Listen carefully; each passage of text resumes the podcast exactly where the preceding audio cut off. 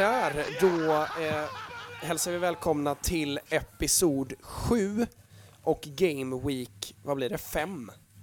Ja, fem blir det. Exakt. Kan det vara så? Ja, fem är det. Eh, utav eh, Gräsrötter Podcast, eh, en podcast om allt ifrån gräsrötter, division 4, 5, 6, 7, F16, division 3, ända upp till eh, de allra största turneringarna. Välkomna! Eh, jag sitter här, jag heter Jonathan, med mig på länk idag sitter Joel, du kan väl berätta Yes. varför det är så medan jag dricker te?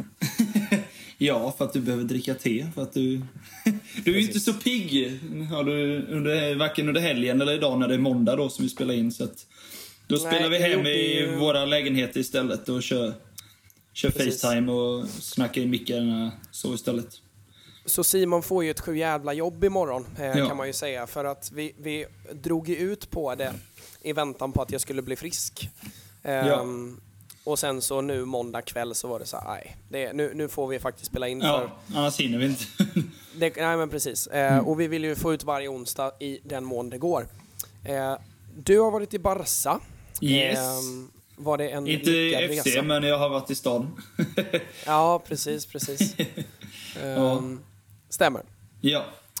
Men det var en OK semester, eller det var inget, Ja. ingen fotboll på agendan? Eller? Nej, alltså... mm, Nej, det var en liten spontanare för att både jag och sambon kände att vi behövde åka iväg lite, bara pausa lite från vardagen ett par dagar bara. Eh, Ja, för ni och hade då- knappt någon semester i somras va? Nej, hon hade väldigt kort så att då kände jag att jag, hon hade kanske be- behovet mer än jag, men jag bara kände att jag ville göra det för hennes skull liksom. Men även för min. Just det. Men eh, så tanken var ju, vi kollade runt lite vad det var för matcher runt de dagarna vi var där. Eh, men då... Eh, ja, Nu bröts det där, sorry. ja, det är lugnt. Du, du sa att eh, du ville få ett break bara. Eh, eller ni ville få ett break. Ja, precis. Eh, bra, du får klippa ihop det där Simon. Ja. Eh, så lovar jag att det inte ska hända igen. Men, eh, så du, du har ju inte spelat någon fotboll då? Jo, du spelade ju i helgen för guds skull. Ja, det gjorde jag. Hur gick det? Eh, vi vann med 3-2. Fan vad gött. Ja, det var var ju, jag, jag följde det ju, jag skulle ju varit och kollat men eh, blev ju sjuk eh, fredag kväll. Ehm, så jag följde det ju på min fotboll och det var ju en rafflande tillställning får man väl säga eller? det var det ju. Det var ju... Vi mötte, mötte Västervik. Eh, FF. Och eh, 0-0 i paus. Kändes ganska jämnt men vi hade bra kontroll på det och så. Eh, och... Ja, det tar ungefär en timme in i matchen. Sen så gör vi 1-0. Sen gör de 1-1 en stund senare. Gör även 2-1 i typ 82, 81 någonting. Ja för det såg jag och bara helvete också. Ja, det var tungt. Eh, friläget som de gjorde mål på. Men sen, eh, ja, i 90 Jag tror nästan så fort det började slå över till tilläggstid så gör våran eh, forward, han gjorde även 1-0 målet, gjorde 2-2 och någon minut senare, eller två minuter senare, så blev en av våra spelare nerrivna i straffområdet och tvåmålsskytten får göra ett hattrick och vi vinner med 3-2. Så det var riktigt gött. Ja, det var riktigt härligt. För det var ju så surt att släppa in 2-1 och så inte mycket tid kvar och kände bara, nej, vi hade liksom inte råd med en förlust där kände vi. Så då var Kände det ni att det var välförtjänt, liksom? lyckades vända på det. Vad sa du? Kände ni att det var välförtjänt på den vänster? Det tycker jag. Jag tycker ändå vi var det bättre laget. Det, Och Västerviks FF, det finns ju ett par lag som heter Västervik va? ja, det Eh, för jag minns att vi jag tror det var Västerviks FF som jag mötte typ 2016 eller 15 Ja. i division 4. Kan det vara samma gäng? eller Ja, finns det men de har spelat division 4 innan, vet Ja, jag. de har det va? Ja, det har de. Och klättrat. Ja, för då, då, då, då fattar jag. Eh, Ja. För det, det finns ju ett par Västerviks eh, gäng där. Vi, hade ju, vi hamnade ju i en serie, för vi, vi eh, precis, året innan jag ehm, året innan jag började i ehm, A-laget så eh, åkte de ner i division 5 men så räddades de kvar i division 4 utav att ehm, eh, det blev en plats ledig i en annan division 4. Ja, Så då hamnade vi i nordöstra istället för nordvästra Småland. Eh, och då mötte vi ju alla dem, alltså så här Oskarshamns lag och Västerviks lag. Vi hade en bortaresa till Tjust, goa, fina, härliga Tjust. Eh, som jag än idag minns. Eh, där min far nog inte vet om att det var, för, det var nog första gången jag testade öl tror jag. På den bussresan hem. Nu Han vet han det i alla fall. Ja, min pappa, alltså min, när, när det kommer till fotboll då, en av mina absolut största inspirationer, eh, han, han lyssnar tydligen. Mm. Hade jag Det ingen är aning om. jättebra. Ja, men det är perfekt. Ehm, Jag hoppas han är nej, vänta, det också. måste varit andra gången. För första gången jag drack öl, då kom han på mig. Jaha. Ja, det var lite värre. Ja, nej, det, Ja. det var eh, i, med ju- junislaget i Ja, bastun. Jaha. Eh, efter någon inomhusträning där. Mm. Ehm, underbart minne eh, som Mm. jag får eh, rysningar utav än idag. Av lavetten menar du, eller vad? nej, nej, nej, nej, men min pappa är ju, han är ju um, suffer in silence Ja, eh, type vet. of guy. Ehm, så, så, så det var mer än eh, eh, besvikna blickar i Ja. en dag eller två. Liksom. Förstod det. Ehm, men men så, så var det. Eh, jag tänkte så här, eh, vi har ju inte involverat våra lyssnare och våra följare eh, än så länge så mycket. Annat än att vi har tackat våra Patreons. Så jag tänker att först så tackar vi alla våra Patreons med förnamn. ehm, vilka som stöttar oss och sen eh, så går vi in i lite tittar och lyssnarfrågor. Det låter superbra. Ja, det kör vi Nice, på. då ska jag bara ta fram eh, Patreon-sidan här. Då så, då, det har ju trillat in så jäkla mycket sen vi senast eh, eh, tackade våra eh, Patreons och det är ju några som donerar en dollar och några som donerar två och, sådär. Så ehm, Suveränt. vi, vi tackar dem allihopa såklart. Oh ja. Eh, och eh, vill man donera mer än eh, 10 kronor eller en dollar i månaden så går det ju skitbra.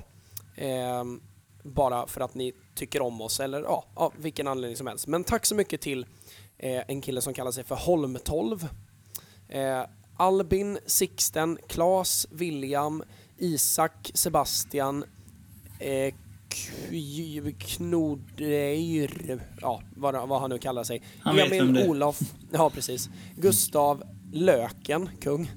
Eh, Ville, Jakob, Herman, Oliver, Anton, Julius, Oskar Vilgot, Oskar, Spirro, eh, han som fortfarande kallar sig för Cha, Tony, Morris, Carolina, Mats och William igen. Ehm, Tack så hjärtligt, hjärtligt, hjärtligt för era sponsorer. Och vi blir ju fler för varje vecka, vilket är Det är ett skitkul. rejält gäng alltså. Det är superbra alltså. Bara fortsätt. Ja, det är, klockrent. skitroligt. Ja. Eh, och eh, tyvärr då, för den här veckan så kan vi ju inte filma och lägga upp eh, eftersom Nej. att vi sitter på länk. Eh, däremot så får ni lite extra material när det vankas onsdag ändå. Eh, så tack så himla mycket. Då går vi över till, eh, du, du kan väl hitta någon god jingel här Simon, så tar vi lite lyssnarfrågor som vi har eh, fumlat över eh, i våra DMs och liknande. Eh, rulla någon jingel. Och Robertson jobbar och jobbar och jobbar och jobbar och jobbar och jobbar! Eh, här kommer första frågan ifrån en eh, kille som heter Ville. Kan ju faktiskt vara en av de som faktiskt är Patrons, men det är mer än vad jag vet. Eh, frågan är, vem är den mest tekniska spelaren just nu? Och det är ju en... Det är en ganska- tuff fråga. Det är en tuff fråga, det är verkligen en tuff fråga. Eh, men s- vi ska väl försöka svara på den någorlunda. Eh, och om vi håller oss till eh, världsfotbollen då, eller den absoluta elitfotbollen, så skulle jag väl säga att det finns ju en liksom teknik som i, alltså en Iniesta-teknik, en funktionell eh, teknik med boll på ett och två tillslag. Och sen så har du en teknik eh, som i driva boll, utmana, dribbla. Ja, det är, ju, Ehm. det är just det hur man ska bedöma det och lite sånt där. Men, Men om vi gör det jag- enkelt för oss och delar upp Jag det tror ju att så. de menar lite mer att vem som är lite mer, ja men Neymar och de här lite Ja, ja, ja. sk- skillsen Och- liksom, såhär finliret. Och då måste man väl nästan säga Neymar. Alltså vem, vem, Det känns vem är... så. Man, kommer, vem är man glömmer där? säkert en del, men han, han är ju... Sen jag är ju inte hela tiden, men han är ju generellt måste han ju vara lätt liksom verkligen bland de bästa på det. För han, Han är Han väl gör det som, det. den som showcasear det mest också. Ja, men lite så, lite som Ronaldinho gjorde en hel del. Liksom, gjorde det här lilla extra fast man inte behövde bara för att visa för fansen liksom och bara Precis. showa lite. Ja. Eh, nej, men jag får väl säga Neymar där då, men man får väl slänga lite utropstecken. Det finns ju till exempel en viss fransman i Newcastle som är helt okej på det där också. Oh, ja, han var Ehm. riktigt bra nu i helgen tycker jag. Ja, att, eh, verkligen. Alain Saint-Maximin. Ehm, Riktigt Eller hur man duktig, alltså. uttalar hans Ja, namn. Väl, väldigt begåvad. Eh, Oh. En riktig bollbegåvning. Ehm, men när det kommer till... Jag måste slänga in Thiago här. Ja, jag förstår Fan. vilken anledning. För hans passningsteknik, Mm. eh, både i match och i liksom så här träningshighlights och sånt som man har sett, Mm. eh, är en ruggig teknik alltså. Det är Fruktansvärt bra. Alltså, det, jag älskar honom. när han och, ehm, om det är Jorente kan det vara, i EM på någon träning, bara står och dunkar långbollar till varandra. Och det är såna här med underskruv som bara sveper över hela jävla Exakt. planen. Som man blir helt varm i själen av att se liksom. Ja, nej, det är underbart att se sånt. Det är som det man såg eh, när Messi och Dani Alves en gång bara, så bara stod och slog höjdbollar i bröstet på varandra hela tiden. Bara matade på någon uppvärmning. Ja, precis. Jag vet inte om du har sett det, men det var ju som sagt ett par år sedan när Dani Alves var i Barca. Mm. Då stod de och gjorde Precis. det, bara matade. Det är härligt. Nej, men jag håller med dig. Thiago är ju en som är just med hans teknik i, i passning och allt sånt där. Precis. Ja men skitbra, då, då säger vi, ehm, då Vi- säger vi eh, Neymar och Thiago då. Ja, kan vi göra. Ehm, Det är väl en av dem som är bäst Som svar på på- den frågan. Ja, Ehm, de två olika så- kategorierna. Jag tänker att vi, vi kör en fråga per vecka, så eh, vi säger Ja. väl det till alla att eh, har ni en fråga så skicka in det via DMs till Gräsrötter. Vi läser alla meddelanden ehm, och eh, svarar på de som vi tycker är relevanta. Liksom. Eh, så skicka in frågor till Grasrotter på Instagram så, så svarar vi på så många vi kan. Antingen i text eller faktiskt i eh, podden. Japp. Skitbra. Bara fråga Eh, på. Det kan ju vara vad som helst. Både om, om ni, Ja, ja, vad ni tror, vad, om ni vet vår åsikt om fotbollsspelare eller lag eller sånt där. Eller vad, om Jonis tränarkarriär eller min fotbollskarriär eller vad, alltså vad som helst som har med fotboll att göra. Bara fråga på. Absolut. Ehm, lite kort bara. eh, jag, jag, ehm, vi hade ju en match den här veckan ehm, och den coachade jag ju eh, samtidigt som jag var sjuk. Ehm, vilket var dumt för det gjorde nog att jag var sjuk lite längre. Ehm, Förmodligen. Brukar vara men eh, jag nämner det bara lite kort. Vi, vi eh, spelar mot eh, Habo, eh, som vi alltid har roliga matcher mot. Ett lag som eh, vi förra året hade väldigt stora problem med, förlorade mot, eh, ska sägas.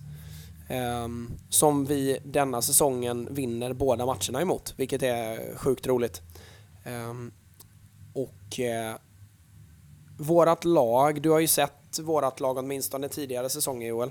Ja, det har jag. Ehm, Och vi är ju långt ifrån det starkaste, största, snabbaste och mest fysiska laget. Ja, ni har ju inga 1,80 tjejer som väger 80 pannor liksom. Det är, Nej, och de som är långa är inte per se fysiska spelare heller. Nej. Ehm, så eh, det har ju varit vårt problem mot Habo, att de är så pass mycket större och starkare än vad vi är. Ehm, men jag tycker att vi har utvecklat så pass mycket spelmässigt att i nio fall av tio så ska inte det spela någon roll mot eh, just dem.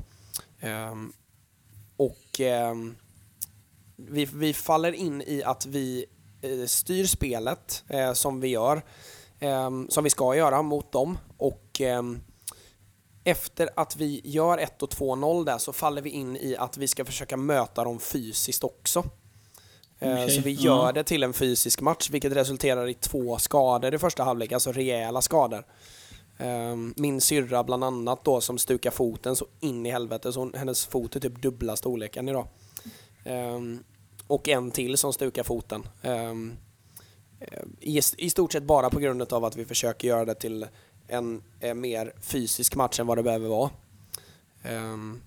Vilket var lite tråkigt, men vi, vi vinner är ganska komfortabelt till slut ändå. Men Eh, ville bara Det slänga... dra på det. Man tycker inte det är visst en seger en seger, men det är inte riktigt värt att få två skador på grund av det. Nej, och jag tycker att så här, det, det, till slut så blev vi vårt spel lidande av att vi blev, vi blev lite testodrivna liksom och försökte Mm, brösta upp sig. Alltså, grejen var att varenda gång vi spelade ur oss en tight situation så fick vi en smäll. Och jag fattar att man blir sur som spelare då och börjar tackla tillbaka. Ehm, Ja, men det det- är väldigt lätt hänt. Men ehm, jag tar ju hellre en smäll efter att man har slagit iväg en bollen och ta en smäll och sen slå iväg bollen. Ehm, För att eh, då, då, då är sällan smällen lika hård för då har man inte bollen längre. Så ja, med lite blandade känslor. Vi har ingen dålig match på något sätt och arbetsinsatsen är ju eh, 10 av 10. Men ah, vi, vi hade kunnat göra processen mycket kortare och mycket mer komfortabel än vad vi gjorde. Ehm, nog om eh, gräsrötter och skit. Nu rör vi oss in i ehm, den eh, stundande Champions League-säsongen kan vi väl, eh, väl börja med. Vi kan rulla en jingel där.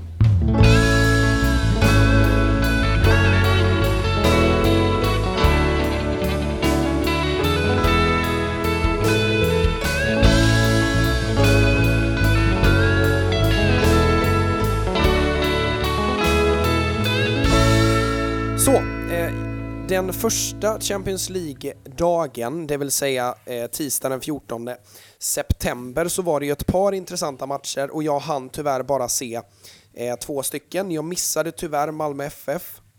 Ehm, Och jag missade tyvärr alla. Jag har sett highlights från alla matcher, men jag har tyvärr hade inte tid att kolla varken den tisdagen eller onsdagskvällen tyvärr. Men det, Det är ju lite svårt när man tränar. Ehm, ja, men det är ju lite så Själv. man har annat. Man har liksom sitt privatliv utöver det liksom, som man ska hinna med och så. Men jag gör så gott jag kan. Ja, ehm, men då var det i alla fall Young Boys mot Manchester United och jag säger inget annat Härlig än match. att eh, hur, eh, hur blev det så? Nej, det är ingen som vet. Nej, men Wan-Bissaka tar ju ett onödigt rött kort och, Väldigt onödigt är det ju. och jag har tänkt på det så många gånger. Han spelar ju så... Alltså, han spelar ju fruktansvärt risktagande i försvarsspelet. Inte så att han Oh, ja. tacklar på, i fel lägen, men hans sätt att tackla är ju otroligt våldsamt. Han är, ja, ja, han är ganska brutal i tacklingen och sånt. Många gånger så blir det ju såna klockrena som man önskar att fler hade, kunde göra och liksom kliva dit lite. Men ibland kan, kan ju, som i detta fallet, komma riktigt fel och det är ju kostsamt. Ja, men grejen är att jag har typ inte sett han göra fel för, förut. Jag har Nej, sett, jag har det, inte det har hänt två det, gånger på. redan den här säsongen, men när han kom, eh, eller egentligen första två säsongerna, så var jag så här, men han missar ju inte en glidtackling. Nej, han var, Alltså- jag tyckte, förra tyckte jag han var bäst i ligan på glidtacklingen. Och jag håller väl honom fortfarande som den bästa glidtacklaren. Det, jag tror inte det är någon som riktigt kommer upp på hans nivå, varken sett till antal glidtacklingar eller kvaliteten på dem. Eh, men den här var ovanligt dum ifrån honom på, i fel del utav planen. Det är ju heller inget liksom så livsfarligt läge eller en omställning som ser hotfull ut, utan det är ju rent av en Nej, det är väl, ja, men det är väl strax utanför offensivt straffområde han tar det, va? Eller? Mm. Exakt. Ja, det är ju väldigt onödigt ställe att ta det på oavsett situation egentligen. Ja, och det, det, blir, det blir lite... um, Ja, jag var inte nöjd med honom, um, sett till det. det. Eh, Men sen så är det ju Ole Gunnars byten där som bara förbryllar mig helt och hållet alltså. Um, där Lingard kommer in som forward. Um, och jag fattar på ett sätt Strax att han- efter 1-1 också. Precis. Alltså det är inte jättelångt efter 1-1 målet. nej, nej, nej, precis. Han tar ut Men, eh, Ronaldo och sätter in Lingard. jag fattar om man är tio man och så gör de 1-1, Mm. att man känner att ja, men då vill jag stänga matchen. Eh, men gör man det då genom att byta in en anfallare?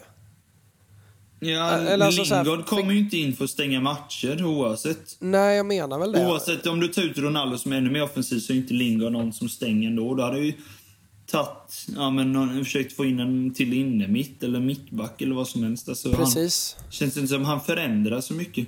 För att jag, jag kan ju tycka så här att spelar du med 10 man och vill eh, bevaka en 1-1 situation mot, ja, först och främst så möter man ju liksom Young Boys, det är ju inte Real Madrid på Bernabéu.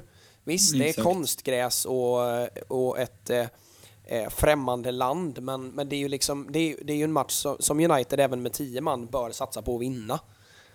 Eh, Självklart. Men bestämmer man sig för att eh, bevaka ett kryss där då, eh, med allt vad det innebär, så förstår jag inte varför man byter ut en forward mot en forward. Nej, För grejen är så här att Lingard kommer ju eh, ju liksom inte ner särskilt mycket heller utan det verkar ju som att de vill använda honom som någon form av tjuv. Som ska Ja. gå in bakom vid, vid bollvinst när eh, Young Boys pressar på ordentligt. Ehm, men det blir ju ingenting utav det och då hade jag ju hellre haft kvar Ronaldo. Det var inte så att han såg Ja. trött ut liksom. nej jag förstår. Så ja, Men sen- skitkonstigt och sen så är det ju... gången Lingard är väl nere när, är väl när han slår den här fina passningen i djupet till 2-1 målet. Ja men precis, det är ju en briljant passning. Jag skulle precis komma oh, till ja, det. det är så härligt Det är att ju- se. En fantastisk blick. Han blandar och ger den grabben alltså. Det, Det gör han. med, eh, med tanke på vad han gjorde i helgen till exempel. Precis, Det är vi ju- lär väl återkomma till det, men just där Ja. så... Det, det, det som, alltså så, det kommer ju alltid vara så, men han får ju så jävla mycket skit för, eh, för det på sociala medier. Det stoppade väl lite när han, när han avgjorde i Tyvärr. helgen här, men, men direkt efter så var det mycket folk som var efter honom. Och jag kan väl bara säga att så här, alltså det är ju inte, alltså visst, Lingards passning är horribel. Eh, men framförallt så är det insatsen, alltså generellt. Alltså även, laget, även liksom. 1-1 är ju liksom inte okej. Eh, mot ett lag som Young Boys. Men eh, ja, det, det, vi, vi plåstrade om de där såren eh, ganska bra ändå till slut framåt helgen. Eh, men sen så såg jag ju Barca Bayern München och där har vi lite att bena i alltså. Ja. Jag har också bara sett highlights tyvärr, men... Ja, men, Det ja, men det, det räcker med att... Det, det, Bara hade, kolla startelvan tycker jag i Barcelona så... ja, men det hade räckt med att se 10 sekunder oavsett vart någonstans du var i matchen för att förstå att Barcelona har ingenting Nej. att komma med på något sätt och det toppas ju med att man då inte har ett avslut på mål. Det är första gången på jag vet inte hur länge de sa som Barca inte har gjort det i Champions League. Mm. Inte ett enda avslut på mål. Det är, och det är Barcelona vi pratar om. Det, det ska ju inte hända liksom. Nej, precis. Dessutom startar man ju med en fembackslinje då. Och det här är ju Ja. alltså det svagaste man har hört. Ehm, de ställer upp i en femback med, från vänster då, Jordi Alba, fullt förståeligt. Mm. Sen plockar man in eh, Erik Garcia som vänster mittback. Piqué som central mittback. Och Araujo ehm, som höger mittback. Ganska Och det- okänd. Och det är den svagaste. Och Sergio Roberto som Mm, höger Sergio wingback. Roberto högerback som egentligen är en innermitt från början. Men det, ja. Ja. Japp. Jag håller Ehm, med dig. Det är Men det, väldigt... alltså det, det, det är så svag. tamt. Så det finns ju inte liksom. Ja, Ehm, de har väl inte så mycket mer. De har ju här Mingoesa, vet du. De har en som är mittback. Annars har de ju typ inget mer. Leum Titi var ju, de var ju på bänken. Men jag vet Ja. inte varför de inte användes. MTT är väl liksom ehm, eh, alltid skadad och aldrig spelklar. Kanske. Ja, känns så. Ehm, men eh, jag förstår ju inte hur man inte startar med Langley. Ehm, Nej, exakt. överhuvudtaget. Nej, han... Eh, därtill då så tänker man ju att ja, men de ställer ändå upp med eh, Pedri, de Jong och Busquets. Ja, det är ändå hyfsat mittfält Ja, det, faktiskt. ja, men, ändå ja, men det är liksom- ett riktigt bra mittfält. Ehm, Ja, ja, det är det. Och jag kan inte säga att de har något bättre heller, så det är ju deras bästa centrala fält de ställer upp. Ja. Ehm, men eh, jag har ju aldrig sett Barcelona få eh, agera utan, alltså det mittfältet agera utan bollinnehav. För de får ju inte låna Nej. bollen. Nej. De jagar skuggor. Ehm, och det mittfältet är säkert, eller det är väldigt användbart om Barca får ha lite boll. Men resterande utav frontlinjen med Luke de Jong, Memphis Depay, eh, wingbacksen därtill då, eh, ser ju till att ja, men Barca inte kan ha boll för Bayern är helt enkelt för starka. Ja. Och jag tycker framförallt de som är värda att nämnas i, i Bayern då, det är ju dels eh, Upamecano som gör en riktigt, riktigt bra match. Eh, Joshua eh, Kimmich som är fantastiskt bra. Thomas Müller som är fantastiskt bra. Men sen framförallt Jamal Musiala som gör en otrolig insats. Jag såg han lite förra året i Champions League när han började komma upp i A-laget och började få spela lite. Han fick starten av matchen, de hade många borta och lite sånt där. Han såg väldigt bra ut då i alla fall. Jag har inte sett han i år. Han är ju född såg han ju väldigt 03 bra då. Eh, och Ja. kommer ju ifrån eh, Bayern 2, alltså eh, B-laget. Eh, som Exakt. spelar i tredje Bundesliga. Så det är ju en egen produkt. Eh, Det är där, kul ja, han har valde fått bort... det som, ändå, som jag tycker ändå är ett lag som köper rätt mycket. Precis. Men Musiala är ju gammal britt. Han bytte ju från England till Tyskland. Ehm, Okej. För att han, Ja, jag tror att han härstammar ifrån England men att han har bott typ hela sitt liv i Tyskland. Ni får rätta mig om jag har fel. Men han är helt fantastisk. Han är teknisk, han är rivig. Han är framförallt förvånansvärt mogen i sitt beslutsfattande. Um, han försöker alltid skapa någonting men det är inte alltid med hög risk. Um, och han och Müller funkade otroligt bra ihop och såg ju till att Leroy Sané blev ganska så osynlig. Om det är någon spelare som var osynlig så var Leroy Sané och det är ju spelaren som det ska hända kring. Ehm, Exakt. I övrigt, du som har haft koll på honom innan i alla fall. Japp, jag har ju sett han till och med live. Alltså, det är ju en otrolig spelare egentligen. När han är i sitt prime liksom. Det... Var du, var du besviken att de sålde honom? Ja, det är klart jag var. Sen vet jag ju att det finns mycket taktiska grejer och att han kan... Leroy Sané inte riktigt passar Peps sätt att spela och sådana saker, men... Han är väl ju- lite jag väl ju där för individuell, ett år sedan och såg han... Ja, lite så. Men jag såg ju han... Som sagt, för ett par år sedan. Alltså han... Det var väl en av de... Ja, om det var typ första eller andra säsongen han kom till City, tror jag det var. Han... Ja, men... Den snabbheten har jag ju aldrig sett från en spelare. Jag har sett en del fotbollsmatcher eh, genom åren. Både elit och liksom icke-elit. Men det, det är nog den snabbaste spelaren jag har varit med om, tror jag.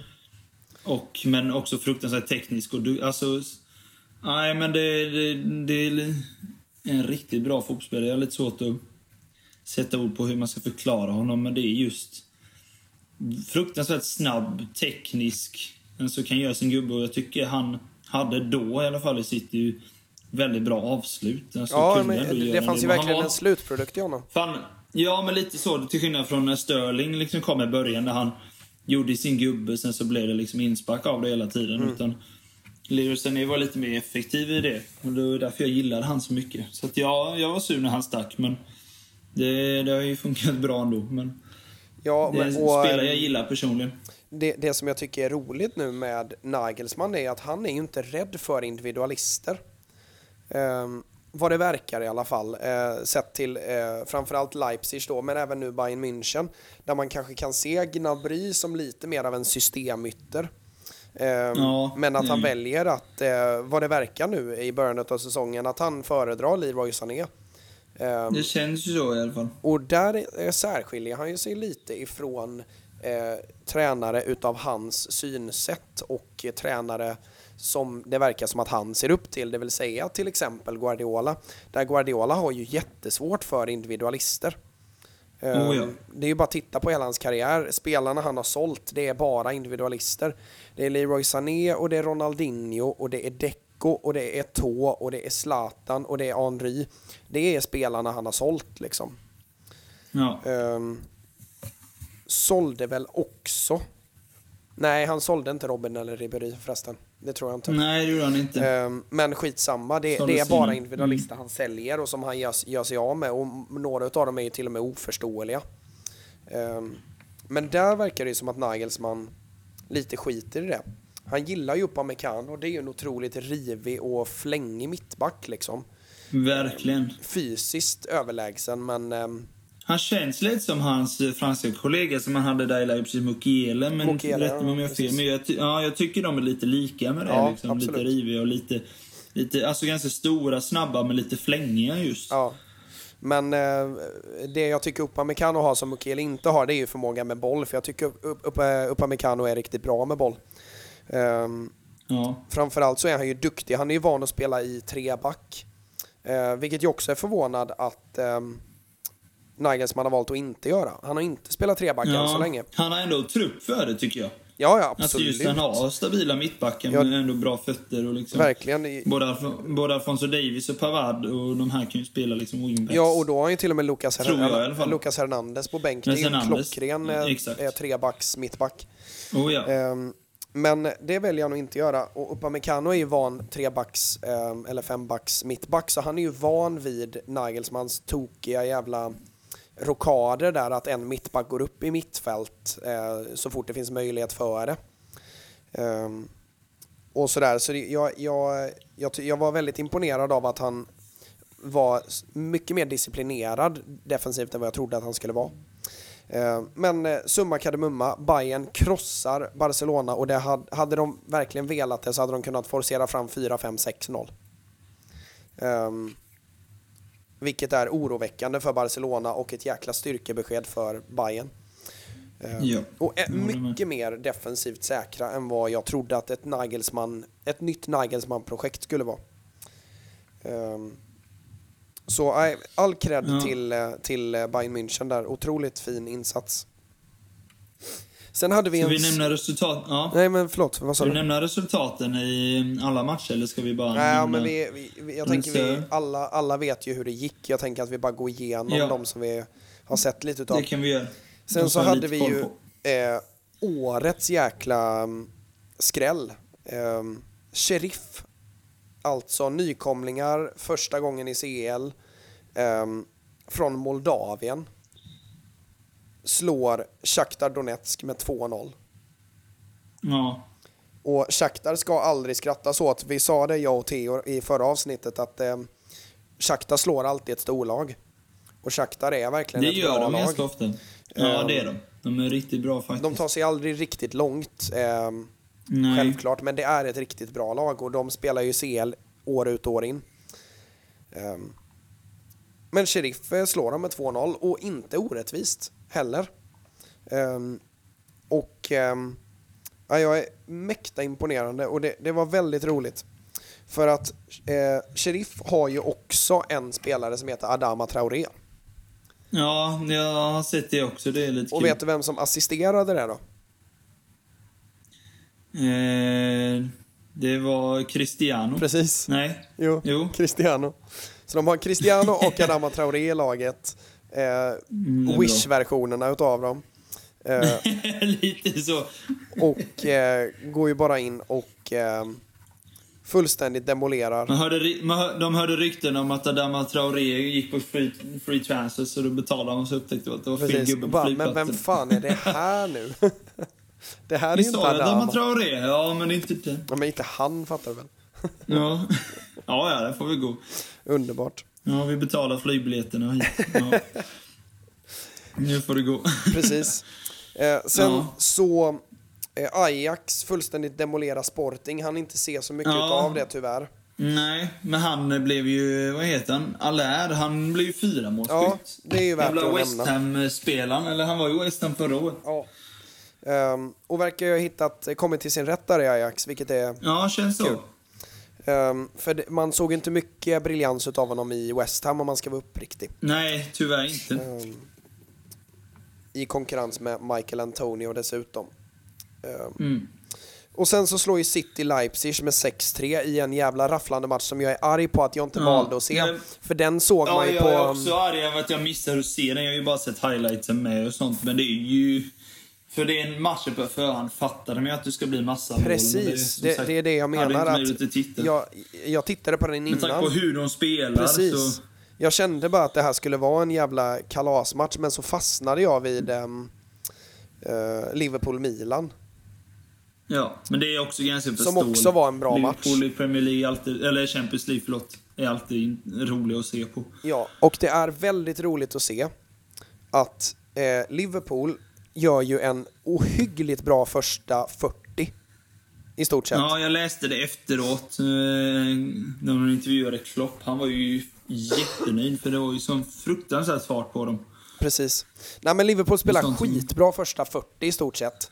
Ehm, och ska ju ha 3-0 i halvtid. Alla Istanbul Men Salah 2005. missar straff och grejer. Ja men precis, det, är- de gör en otrolig första halvlek. Ehm, men blir ju straffade så som Liverpool blir två, tre gånger per säsong. när man helt plötsligt står där och har släppt två. Eh, från ingenstans, och det var ju precis det som hände mot Milan. Det var ju det enda Milan hade i stort sett. Eh, och framförallt så tycker jag att det är eh, när man ligger så högt som Liverpool gör, vi har pratat om det i vårt lag också, att väljer man att gå högt, så högt med så många spelare, om du inte pressar då, eh, så är det liksom, det är upplagt för katastrof. Um, Oh ja, det är det ju. för det går inte att ligga så högt och inte ha en gubbe som är framme på bollförare liksom för att vinna den. Ehm, och det slutar man göra lite i några få instanser där och eh, helt plötsligt så har Milan kontrat in 1-1 och 2-1. Och där tidigare Liverpool har eh, väldigt sällan återhämtat sig från det. Och det har slutat 2-1, Ja. 2-2 kanske. Men här vänder man ju faktiskt på steken i andra halvlek och gör 2-2 och 3-2. Ehm, Man får ju ett tidigt mål med i... Alltså det är bara efter några minuter i andra halvlek som gör att de får väl otrolig energi av det ja, också. Salah gör ju mål i om det är liksom 47 48, eller 49. 48 eller något. Ja, något sånt. Ehm, 48 står det här precis. Ja. Eh, och sen- Hendersons balja. Ja, den är, den är, den är klass, det är så men härlig. ja, den, är, ja. den är vacker att titta på. Ehm, Ja. För det är inget skott som så här, åh, dundrar rakt upp i krysset, men det är en klassträff. Nej, men det är klass. Det är omöjligt för målvakten att ta ett sånt skott. Alltså. Ja, precis. Det är, ja, det är Med den här guld. omtalade backspinnen liksom, eh, som bara borrar sig in. Ehm, fantastiskt att se och ehm, viktigt kanske för ehm, kaptenen att få göra något sådant. Ja, men jag tror det. Och ehm, nej, men jag är mäkta imponerad av att Liverpool lyckades vända på det och som United-supporter så ska jag ju hata Liverpool, men jag tycker att det är svårt. Jag tycker det är svårt att hata Liverpool. Alltså, och jag som City-supporter, jag, alltså... För jag har ju ogillat Liverpool senaste åren eftersom de är störst... Har jag ju tyckt är största konkurrensen Ja, precis. i Premier League. Men... Eh, vissa matcher så eh, blir man faktiskt sugen på att kolla på Liverpool för de spelar. Det, det är så rolig fotboll, det är så mycket fart, det är så mycket energi i det hela tiden. Ja, City spelar på ett helt annat sätt. Det är ju mer finlir och kan spela ut motståndare. Liksom, det ser så lätt ut, men Liverpool har en energi som, typ, alltså, som få lag har. Liksom. Ja, och ska man se ifrån den, det, det, det vanliga fotbollsögat, eller alltså den ehm, genomsnittliga fotbollstittaren, så tror jag att det är roligare att titta på Liverpool. Om man, Mm. om man inte, neutral. Mm. Precis, ja, men alltså, om, man inte är, om man inte är superinsatt i taktik och så, utan bara gillar att kolla på fotboll, så tror jag att det är roligare att Ja. titta på Liverpool. Ehm, Det är det ju. City är inte lika roligt att titta på. nej, om, det- om man inte är supertaktiskt inte är- insatt liksom, och verkligen försöker Nej, dechiffrera eh, Ja. hur Guardiola tänker med just den här matchen och jidi jada. Ehm, Mm. Så är det ju mycket roligare att titta på Liverpool. Ehm, Exakt. för det jag tycker är en perfekt blandning utav individuell briljans och eh, systematik som ofta gör att det blir väldigt underhållande. Mm. Ehm, men det var väl den eh, Champions League ehm, omgången och eh, vi tar väl tabellerna lite. PSG tappade mot det, Brygge borta. PSG Det kan man ju ändå nämna bara. Liksom. Det kan man absolut nämna. De har Och- inte startat bra sen Messi kom tydligen. De har ju startat Det bra i ligan, det får man ju säga. De har vunnit allt. Men, eh, Ja. men eh, ja, ja, ja. Men det ska de ja, ju. precis. Eh, slår ju Olympic Lyon igår också, alltså söndag med 2-1 tror jag. Men Messi Ja. har än inte gjort mål i PSG-tröjan och var uppenbart eh, besviken på att han blev utbytt senast också. Ehm, Så vi får väl se Mm. Vart den följetongen bär dem. Men det innebär ju att City får ett litet gratis försprång där på mm, PSG. Ligger etta i Grupp A. Yes. Mm, det är gött. Grupp B så är det Liverpool som leder. Eh, Atletico Porto kryssade ju. Ehm, Ajax och Dortmund på lika många poäng, eh, men Ajax på bättre målskillnad då.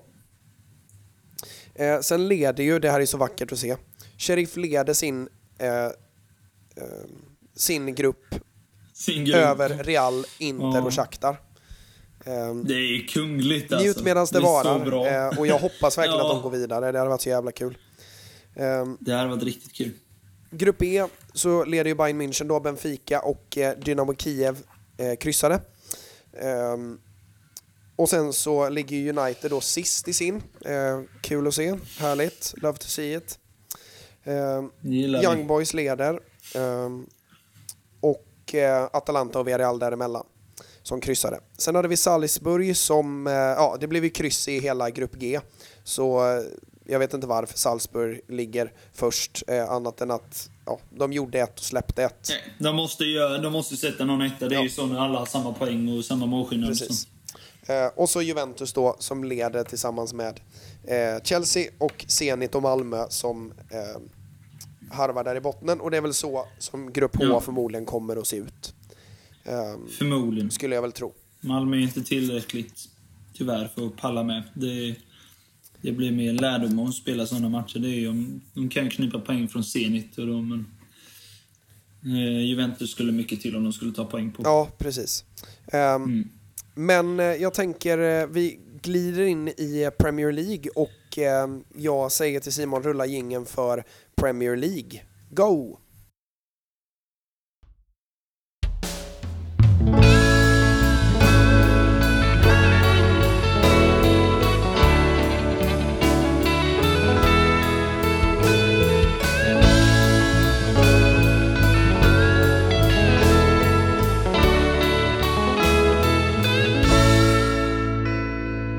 Jag har märkt att det bryts nu när jag rättar till mina hörlurar av någon anledning. Ja. Märkligt. Eh, Så så är det. Ja, märkligt. Men eh, skit i det. Vi glider in i eh, Premier League eh, Match Week 5. Och du såg ju Newcastle mot Leeds, den missade jag. Eh, Jag kollade go. nästan på hela i alla fall. Jag, ja, men, ja, jag såg det mesta matchen. Skola mig. Vad hände? Eh, alltså, du missade ju en match och ni som inte tittar eh, annars också missade verkligen någonting. För det var, en, det var en rolig match att titta på som vi pratade om nyss med Liverpool. Att är man neutral supporter så är det, var det ju en väldigt rolig match. För jag hejade inte på något av lagen. Men jag var lite nyfiken på att se hur Leeds var i fantasy.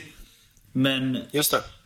Alltså, den Hawaii-fotbollen som man ändå skulle säga att det är typ en första halvtimmen är det ju. Det är ju alltså det är ju mycket sånt under hela matchen, men första halvtimmen är ju fram och tillbaka, fram och tillbaka, jätteläge på jätteläge. Försvarsmisstag på försvar. Alltså det är, det är så konstig match. Det är verkligen inte en Premier League-match. Det är så, det är så mycket defensivt i båda lagen som är så svagt. Sen gör ju, alltså som vi pratade om innan, sagt, Maxime briljant. Gör jättemånga bra individuella grejer. De kommer till mycket läge men får inte dit den. Samma med Leeds, spelar mycket på Rafinhas eh, kant där han gör det också väldigt bra ihop med Bamford men lyckas inte heller få till det. Men det är ju... Ja men det är ju en väldigt eh, flängig match som går fram och tillbaka och det, man vet inte vem som ska göra mål. Och så fort de har ett läge så en halv minut senare så är det friläge på nästa ställe. Det, ja, det händer mycket. Sen är Och det ändå ju... blir det bara 1-1. Ja, det är ju det som är konstigt. Och det blir ju bara, och det blir även i första halvlek. I första halvlek kunde det ju stå 3-3. Om de sätter sina lägen. Men målet som de gör då, Leeds 1-0, är ju att Bamford har bollen centralt och spelar ut på kanten på Rafinha. Som sedan viker in en bra bit ifrån straffområdet, ut, långt ut på kanten. Och skruvar ett inlägg kan man säga som dyker bakom backlinjen där jag ser inte vem det är, om det är Bamford igen eller någon annan. Det står att Patrick Bamford har assist på den i alla fall. Ja, det har han. För han spelar ut den först. Men sen så slår Rafinha in den. Jag vet inte vem det är som fyller på. Om det är Klich eller vem det kan vara. Och den spelaren, bollen dyker liksom vid straffpunkten. Bakom backlinjen. Och den Leedsspelaren som går i djupet där hoppar över bollen. Så bollen fortsätter liksom en bana. Och det är inte riktigt eh, Darlow med på målvakten i Newcastle. Så den skruvas ju ända bort i bortre hörnet. Ett sånt mål som... Eh, eh, vem var det som gjorde det? Var det inte, var det inte Son. Arsenal? Slå en frispark som går ända i bortre. Nej, nu blandar jag ihop det. Det var ju bara någon omgång sen det var ett lag. Ja, jag vet. Men var inte det Jominsson? Jo, exakt, exakt. Nu, jag vet inte var jag fick Arsenal ifrån, men det var... Ja. Det var något lag. Jo, men eh, då... Eh, lite samma sak, fast ännu längre ifrån och ännu mer på kanten. Men det är ju liksom som de har diskuterat i Premier League-studion, lite sånt där som jag är lite emot, är att de... säga att ja, men målvakten måste ju vara med på ifall det blir en touch och så vidare. Därför hinner han inte med som spelaren hoppar över den. Men så här, du kan, inte vara, du kan inte vara beredd på det som det oväntade. Du får ju följa bollbanan och ändra riktning då och då måste du som målvakt anpassa dig efter det. Precis, för, för du hade ju ett klockrent exempel i United-matchen som vi kommer till sen eh, med Varans styrning där. Ja. Eh, som leder till ehm, eh, West Hams mål. Ja, Ben Rama ben säger Ramas ja, skott 1-0 där. ja. Mm. Där är jag sådär, ja men alltså, för det är ju, det, alltså, även om det är helt olika situationer så kan jag tänka mig att det är ju samma grej. Alltså det sker, kan ju inte förvänta sig att bollen styrs från att gå i hans vänstra kryss till att gå i hans högra nedre hörn. Nej. Det kan han ju inte Nej, det, det förvänta finns sig. ingen målvakt i världen som kan förvänta sig eller räkna ut det. Så en målvakt måste alltid gå efter... När bollen lämnar foten så måste en målvakt titta på bollbanan och bedöma var kommer bollen hamna. Tar Precis. någon på vägen eller någonstans på vägen så får man anpassa efter det sen. För annars blir det ju att du lite överarbetar en situation om du tänker ja men det kommer förmodligen en touch. Ja, men gör Precis. inte det, då skjuter han. Alltså han skjuter nästan utifrån långlinjen. Ett inlägg som går hela vägen in i mål. Det är ju, för mig är det ju en tavla. Jag vet att alla inte håller med om det, men jag tycker inte att... Alltså det är hårt och liksom bra, jättebra inlägg, för det, det lurar ju målvakten som sagt, men han måste ju gå med att den djupledslöpande spelaren i Leeds inte rör den. Och sen om han rör den, då får han försöka göra en reflexräddning utifrån det. Precis så som vi pratade om, eh, om det var för två eller tre veckor sedan, när vi, eh, när vi pratade om det, att så här, tar den en touch så är det ju liksom... Då är det ju en ny situation egentligen. Precis, då är det en ny situation. Då får du jobba ut efter det. Och Ja. det är då man får de här fantastiska reflexräddningarna. Men det är ju... Ja, jag, jag håller med dig där. Att Ja. Du kan inte förvänta dig det oväntade. Nej, det Liksom. går ju inte. Det, för det ser ju... Alltså, när man tittar på det, det ser ju så billigt ut. Han skjuter så långt ifrån. Och Mm. den bara går hela vägen in i botten burgaveln. Alltså bollen är ju flera sekunder från att han lämnat Rafinhas fot till att den går i mål. Det är Precis. liksom... Ja, men det. Ja, jag tycker att han, han ska vara, vara med inställd på att ta, alltså, ta den. Sen ska jag inte säga att han måste ta den. Men liksom, Yes. han måste vara inställd på det, för det är så tydligt att han tror att någon ska toucha den och sen så bara släpper han den och så slänger han sig lite halvdant liksom. Ja, jag är med dig på den. Ja. Eh, Men Även om eh, jag inte sagt, har, det var ju, har sett de kändes, kändes lite vassare. Även om det var mycket fram och tillbaka. Sen så är ju Sant Maximin 1-1. Som också är tecken på dåligt försvarsspel. Där han från vänsterkanten viker in, går längs med straffområdet och skottfintar ner. Liksom 2-3. Och det är det här väldigt lata försvarsspelet Leeds har. För att det, de glidtacklar framför honom för att täcka istället för att bara enkelt jobba fötter och följa med. Så det blir att en glidtacklar, han skottfittar förbi honom. En annan försöker gå ner och täcka, han alltså han bara fortsätter hela, hela vägen. Tills han får en, inte dålig vinkel, men han kommer... Sin högerfot kommer bort från målet och lyckas ändå lägga den ett skott mot bortre hörnet. Den går ganska centralt, men eh, Lee släpper in den ändå för att han är inte riktigt... Nej, jag vet inte, han är inte riktigt heller med på den. Och där var jag också lite... Som målvakt då tittar jag mycket på hur, hur de... Eh, alltså hur man ska agera och sånt. Och det känns som att han ska vara, ska vara där i alla fall, för den går så pass centralt i målet. Mm.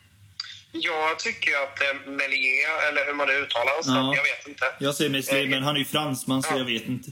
Nej, men det är svårt att veta. Men, Melier, men han, eh, Mm. jag tycker att han är en, generellt en jävligt bra målvakt. Det håller jag med om. Han gjorde är en jättesvettig räddning innan det.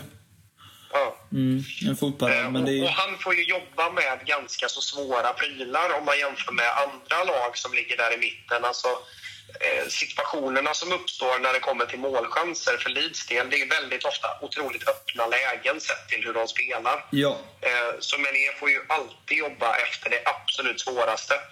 Ehm, Och där tycker jag att han är väldigt, väldigt bra. Det är han. Ehm, Så, så, så det, jag står kvar vid att det är en väldigt bra målvakt, men som sagt, Håller han är ju som katten med. Mm, men det är ju det. det är, just det målet känner jag att det skulle han kunna ta. Sen säger jag inte att han måste Ja. ta det. Men det, jag är ju mer besviken på försvaren att de inte... Alltså, att inte, visst, Maximär är snabb och teknisk, men att inte några av mittbackarna bara, bara följer med. Alltså det är så, det här, åh han kommer skjuta, jag måste slänga mig och täcka och göra en superbrytning liksom. Mm. Det känns lite så, så gör de det två, tre stycken och då bara skottfintar ju ner allihopa sen skjuter.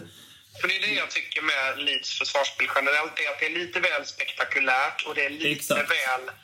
Det känns som att alla försvararna ser sig själv som the main character. Ja, lite TV-räddning fast försvarsspelare känns som. Precis. Är, det är så överarbetat mycket och det Ja, det kan vara jättebra att ha en sån. Alltså ta till exempel um, um, ta United med Wan-Bissaka. Då har du Varann och Maguire som aldrig försöker med det där spektakulära och Shaw som är så eh, helylle som det bara går. Ehm, men eh, så det kan vara en bra blandning där. Men jag tycker generellt att alltså framförallt han, eh, vad fan heter han, ytterbacken de värvade från Barca där. Firpo. Och han, förlåt, men han var så dålig. Ja, men jag, Han jag gjorde tycker- inte direkt sett på alla- hela matchen. Alltså. Han hade ingen känsla. Han, han kom fel i massa situationer. När han satte press så kom han... Alltså, det var inget som funkade för honom. Men och grejen var- är att jag har sett nästan alla Leeds-matcher förutom denna och det är inget nytt alltså. Han är, jag ser inte vad Bielsa ser i honom. Nej, inte jag heller. Um, annat än att han är en offensiv ytterback per se. Ehm, men alltså han, hans försvarsspel både högt och lågt... Då ska han så göra 10 ass denna säsongen om han ska vara värt det. Ja, men är lite så, precis. att, eh, nej, jag tycker... Nej, han är svag på mycket, i alla fall när det gäller Premier League-fotboll. Han Ja. kanske har gjort annat när det är spanska ligan, när det är annat, men... Nej, det, den matchen visar han inte något vidare vänsterbacksspel liksom. Det var inget att hurra för. Precis. Ja, vi rör oss in i, i lördagen där då med, eh, där jag hann se ganska många matcher. Eh, jag hann se Norwich-Watford på repris. Eh, där jag tycker att eh, det, var, det var en jävligt rolig match för att vara ett potentiellt bottenmöte, vilket det ju nästan redan är. Watford har startat okej, men eh, har ju släppt ganska mycket. Och sett till hur framtungt lag de har så har de inte gjort så mycket mål heller. Men här så... Här bjuder de ju till både Norwich och Watford och jag tycker att eh, 1-3 är lite väl i överkant för att eh, det är eh, helt enkelt så att det hade... Eh, Norwich hade kunnat göra ett par till. Ehm, och ehm, det är ju verkligen en, alltså den roligaste tidpunkten i matchen. eller perioden i matchen, det är ju, det är ju efter um, Ismail Assars um, 2-1 mål där. Där Norwich verkligen eh, forcerar för att få in ett, um, ett 2-2 mål där och istället så kontrar Watford i 80 där. Men det är, en- det är en period på en kvart där ungefär som är otroligt underhållande och jävligt rolig. Um, utropstecken för United-lånet Brandon Williams som jag tycker gör en riktigt bra match. Ja, det var ju kul ändå. Han blev ju Eh. sågad här en matchen för att han inte var vidare bra. Ja, Men jag tyckte han jag var, kollade lite på han... eh, Vad heter han? Özcan Kabak, han som var i Liverpool. Ja, ja, ja. Han, eh, det lilla jag såg från highlightsen och sånt där. Eh, så, nej, jag tyckte han såg ganska... Nej, jag vet inte. Han känns inte jättebra alltså. Nej, jag tycker inte heller det. Jag tyckte Eh, han var rätt svag både på positionering och liksom i... Ja, men det känns ingen stabil mittback. Nej, och det kände man ju i. Liverpool med. Ja, det var det han jag menar med, Omgiven det- utav ganska så mycket bättre spelare. Ja. Ehm, så nej, jag är, jag är inte såld på Ozan Kabak på något sätt i stort sett. Um, men en väldigt underhållande match och Norwich tycker jag tyvärr um, de har, jag tycker att Teemu Pukki älskvärd men inte en forward som eh, gör tillräckligt mycket mål för det är bara han det hänger på Tyvärr är det när, det. när är det kommer till som bidrar. Norwich slutprodukt, att det är resten utav spelarna där. Alltså du kan ta han eh, Josh Sargent där, eh, amerikanen, Rashika, eh, nyförvärvet. Han hade ett bra läge som Foster det där. Det var ändå positivt för fantasy kände jag att han Och Foster, in. eh, styrkebesked alltså. Mm, gör det var en riktigt bra match. Mm. Eh, men där jag tycker att till slut så, alltså det, det finns ingen förutom Pucky som har någon form av slutprodukt tyvärr. Nej, Och, ehm, de kommer ju tyvärr hamna långt ner tror jag på grund av det. Att han är liksom den enda som kan göra något. Precis, Nej, men jag tror att Norwich åker tyvärr, men de, de är Ja, ju de otroligt underhållande att titta på. Och, och det är sjukt roligt att se Billy Gilmore eh, få lira lite nu också och se vad, vad, verkligen vad han är för spelare. Eh, och han är ju en jäkla bollbegåvning, alltså duktig på ett och två tillslag, liten som tusan. Eh, jag fattar varför många säger the Scottish, eh, Scottish eh, Xavi. Ehm, det är lite väl stora ord, men jag fattar vad de menar. Ehm, De Så så är det.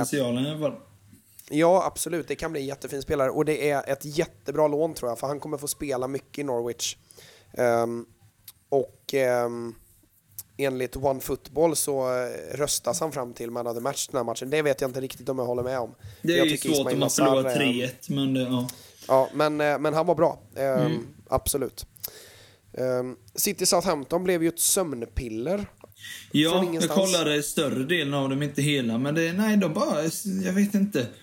City tyckte jag bara inte fick till det. Sen har flyt att det inte... Ja, jag är lite kluven på det, men när Walker drar ner han Adam Armstrong med en bit in i andra så ska de, vill de göra straff Southampton. Och jag tror Walker är väldigt glad att han inte... Att det inte blev straff, för den är verkligen gränsfall. Ja, det är ju ett par där. Ronaldo har ju ett par i, United-matchen också, men det märks ju att de, bör, att de vill få bort det här soft penalties ordentligt alltså. Ja, Det verkligen. är inte många straffar som Nej, tillges. för den hade blivit straff förra året, det är jag säker på. För att det, Ja, och det hade Ronaldo. Två, två av Ronaldos tre hade blivit straff förra Ja. året också. Sen blir ju jag ju tokig på... Alltså... City forcerar ju rätt bra på slutet och skapar en hel del. ja. Och det jag blir lite förvånad över, för City är ju, ganska kända för att de inte har någon vidare publik och liksom har inget... Ja, men det är ju inte Anfield man kommer till direkt. Men man hör verkligen att hela, alltså publiken verkligen med och trycker på och liksom hoppas, alltså kör på laget och det blir jag positivt överraskad över. Men det jag retar mig mest på är ju att de får ju ett bottenmål på tilläggstiden tack vare att de slår en boll på Foden in i straffområdet som han skjuter Ja, och eh, McCarthy gör en superräddning på. Som blir ett hus studsar upp i luften. Då går Sterling, som är gränsfall offside, men han är offside. Går på den och trycker in den när Foden kommer exakt samtidigt och kan trycka in den själv. Alltså, och då är det inga risk för offside. Så hade Sterling inte gått på den bollen så hade ju Foden tryckt in den själv och då hade det varit 1-0.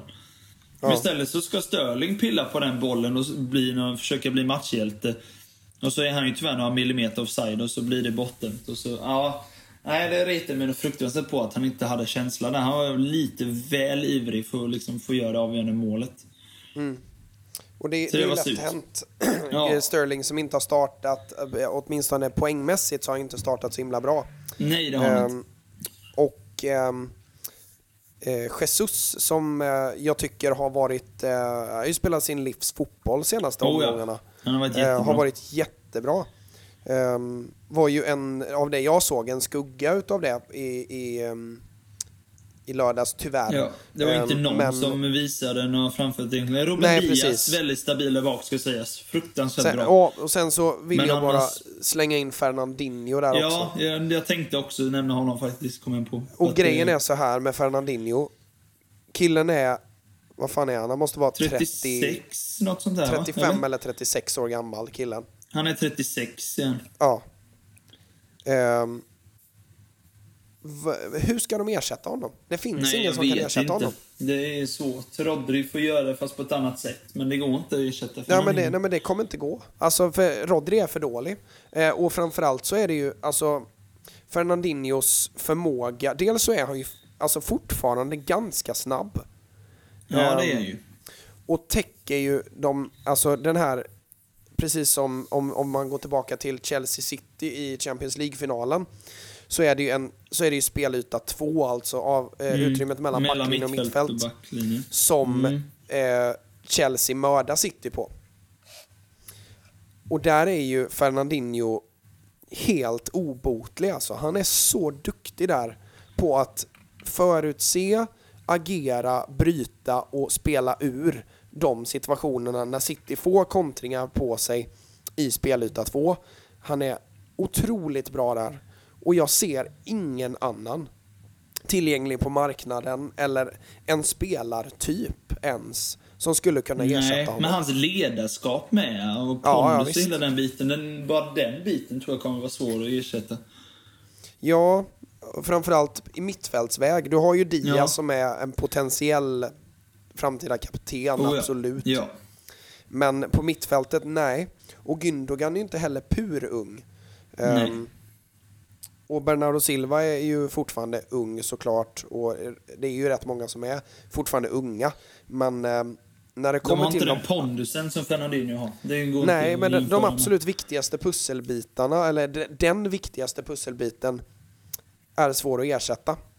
Ehm, och Fernandinho tycker jag är som viktigast i de här matcherna mot lag som är på väg att skrälla mot dem ehm, och lag som hotar i, i kontringsväg Um, och som gillar att göra det när City blir väl framtunga.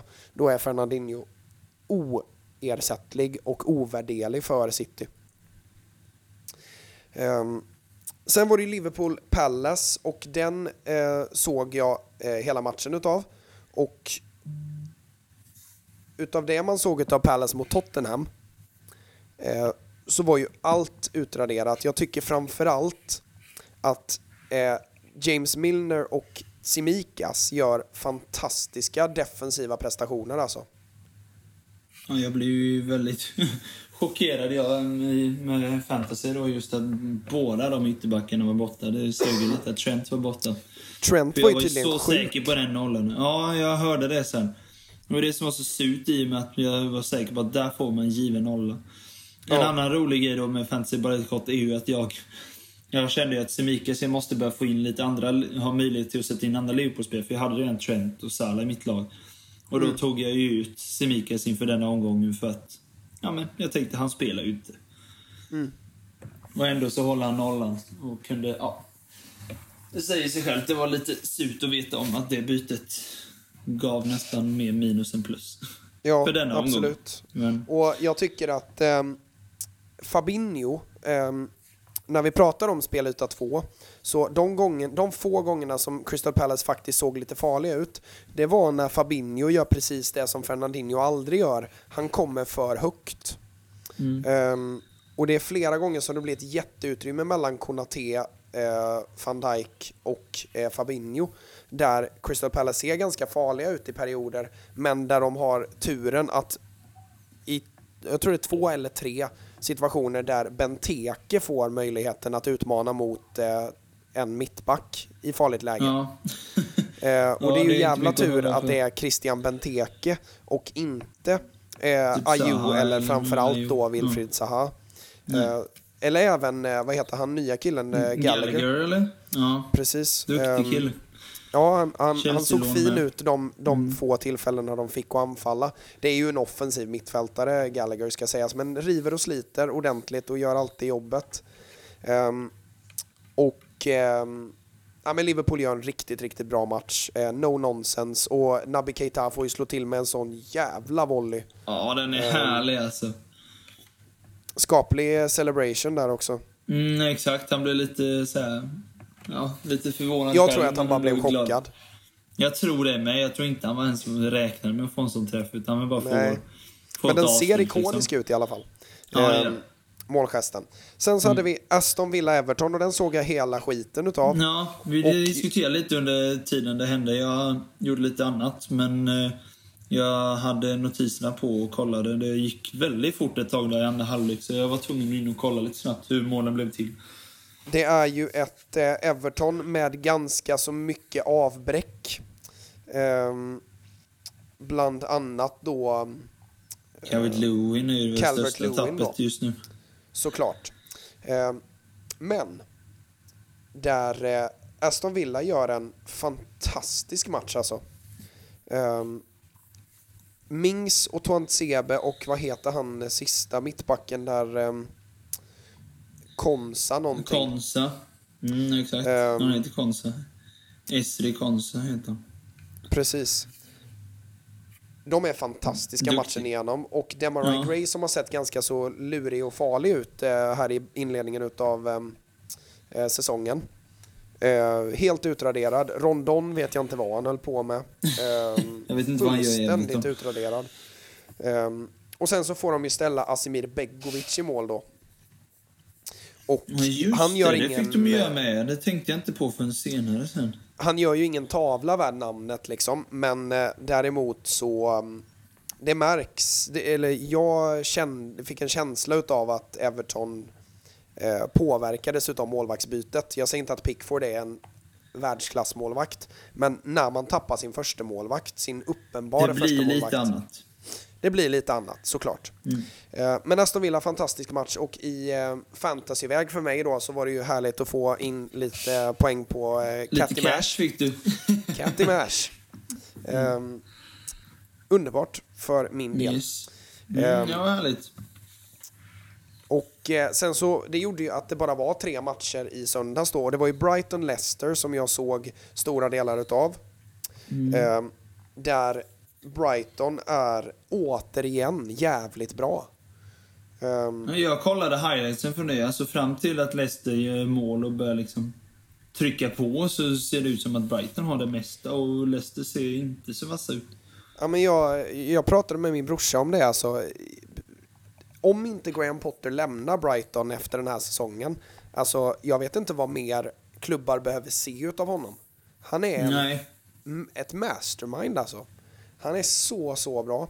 Ehm, och precis som jag ehm, har pratat om tidigare då, att i ehm, idag, eller i eh, går menar jag, så spelar de ju med ett jävligt rakt 4-4-2. Till och med så att Trossard knappt är nere och hämtar boll, utan ett ganska så rakt 4-4-2.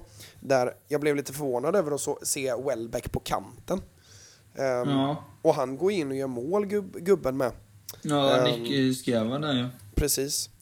Uh, ja, men jag, är, alltså, jag tycker inte ens att Leicester gör en jättedålig match, utan jag tycker att eh, Brighton är fruktansvärt bra. Sen var jag imponerad av um, nyförvärvet därifrån, var det Getafe?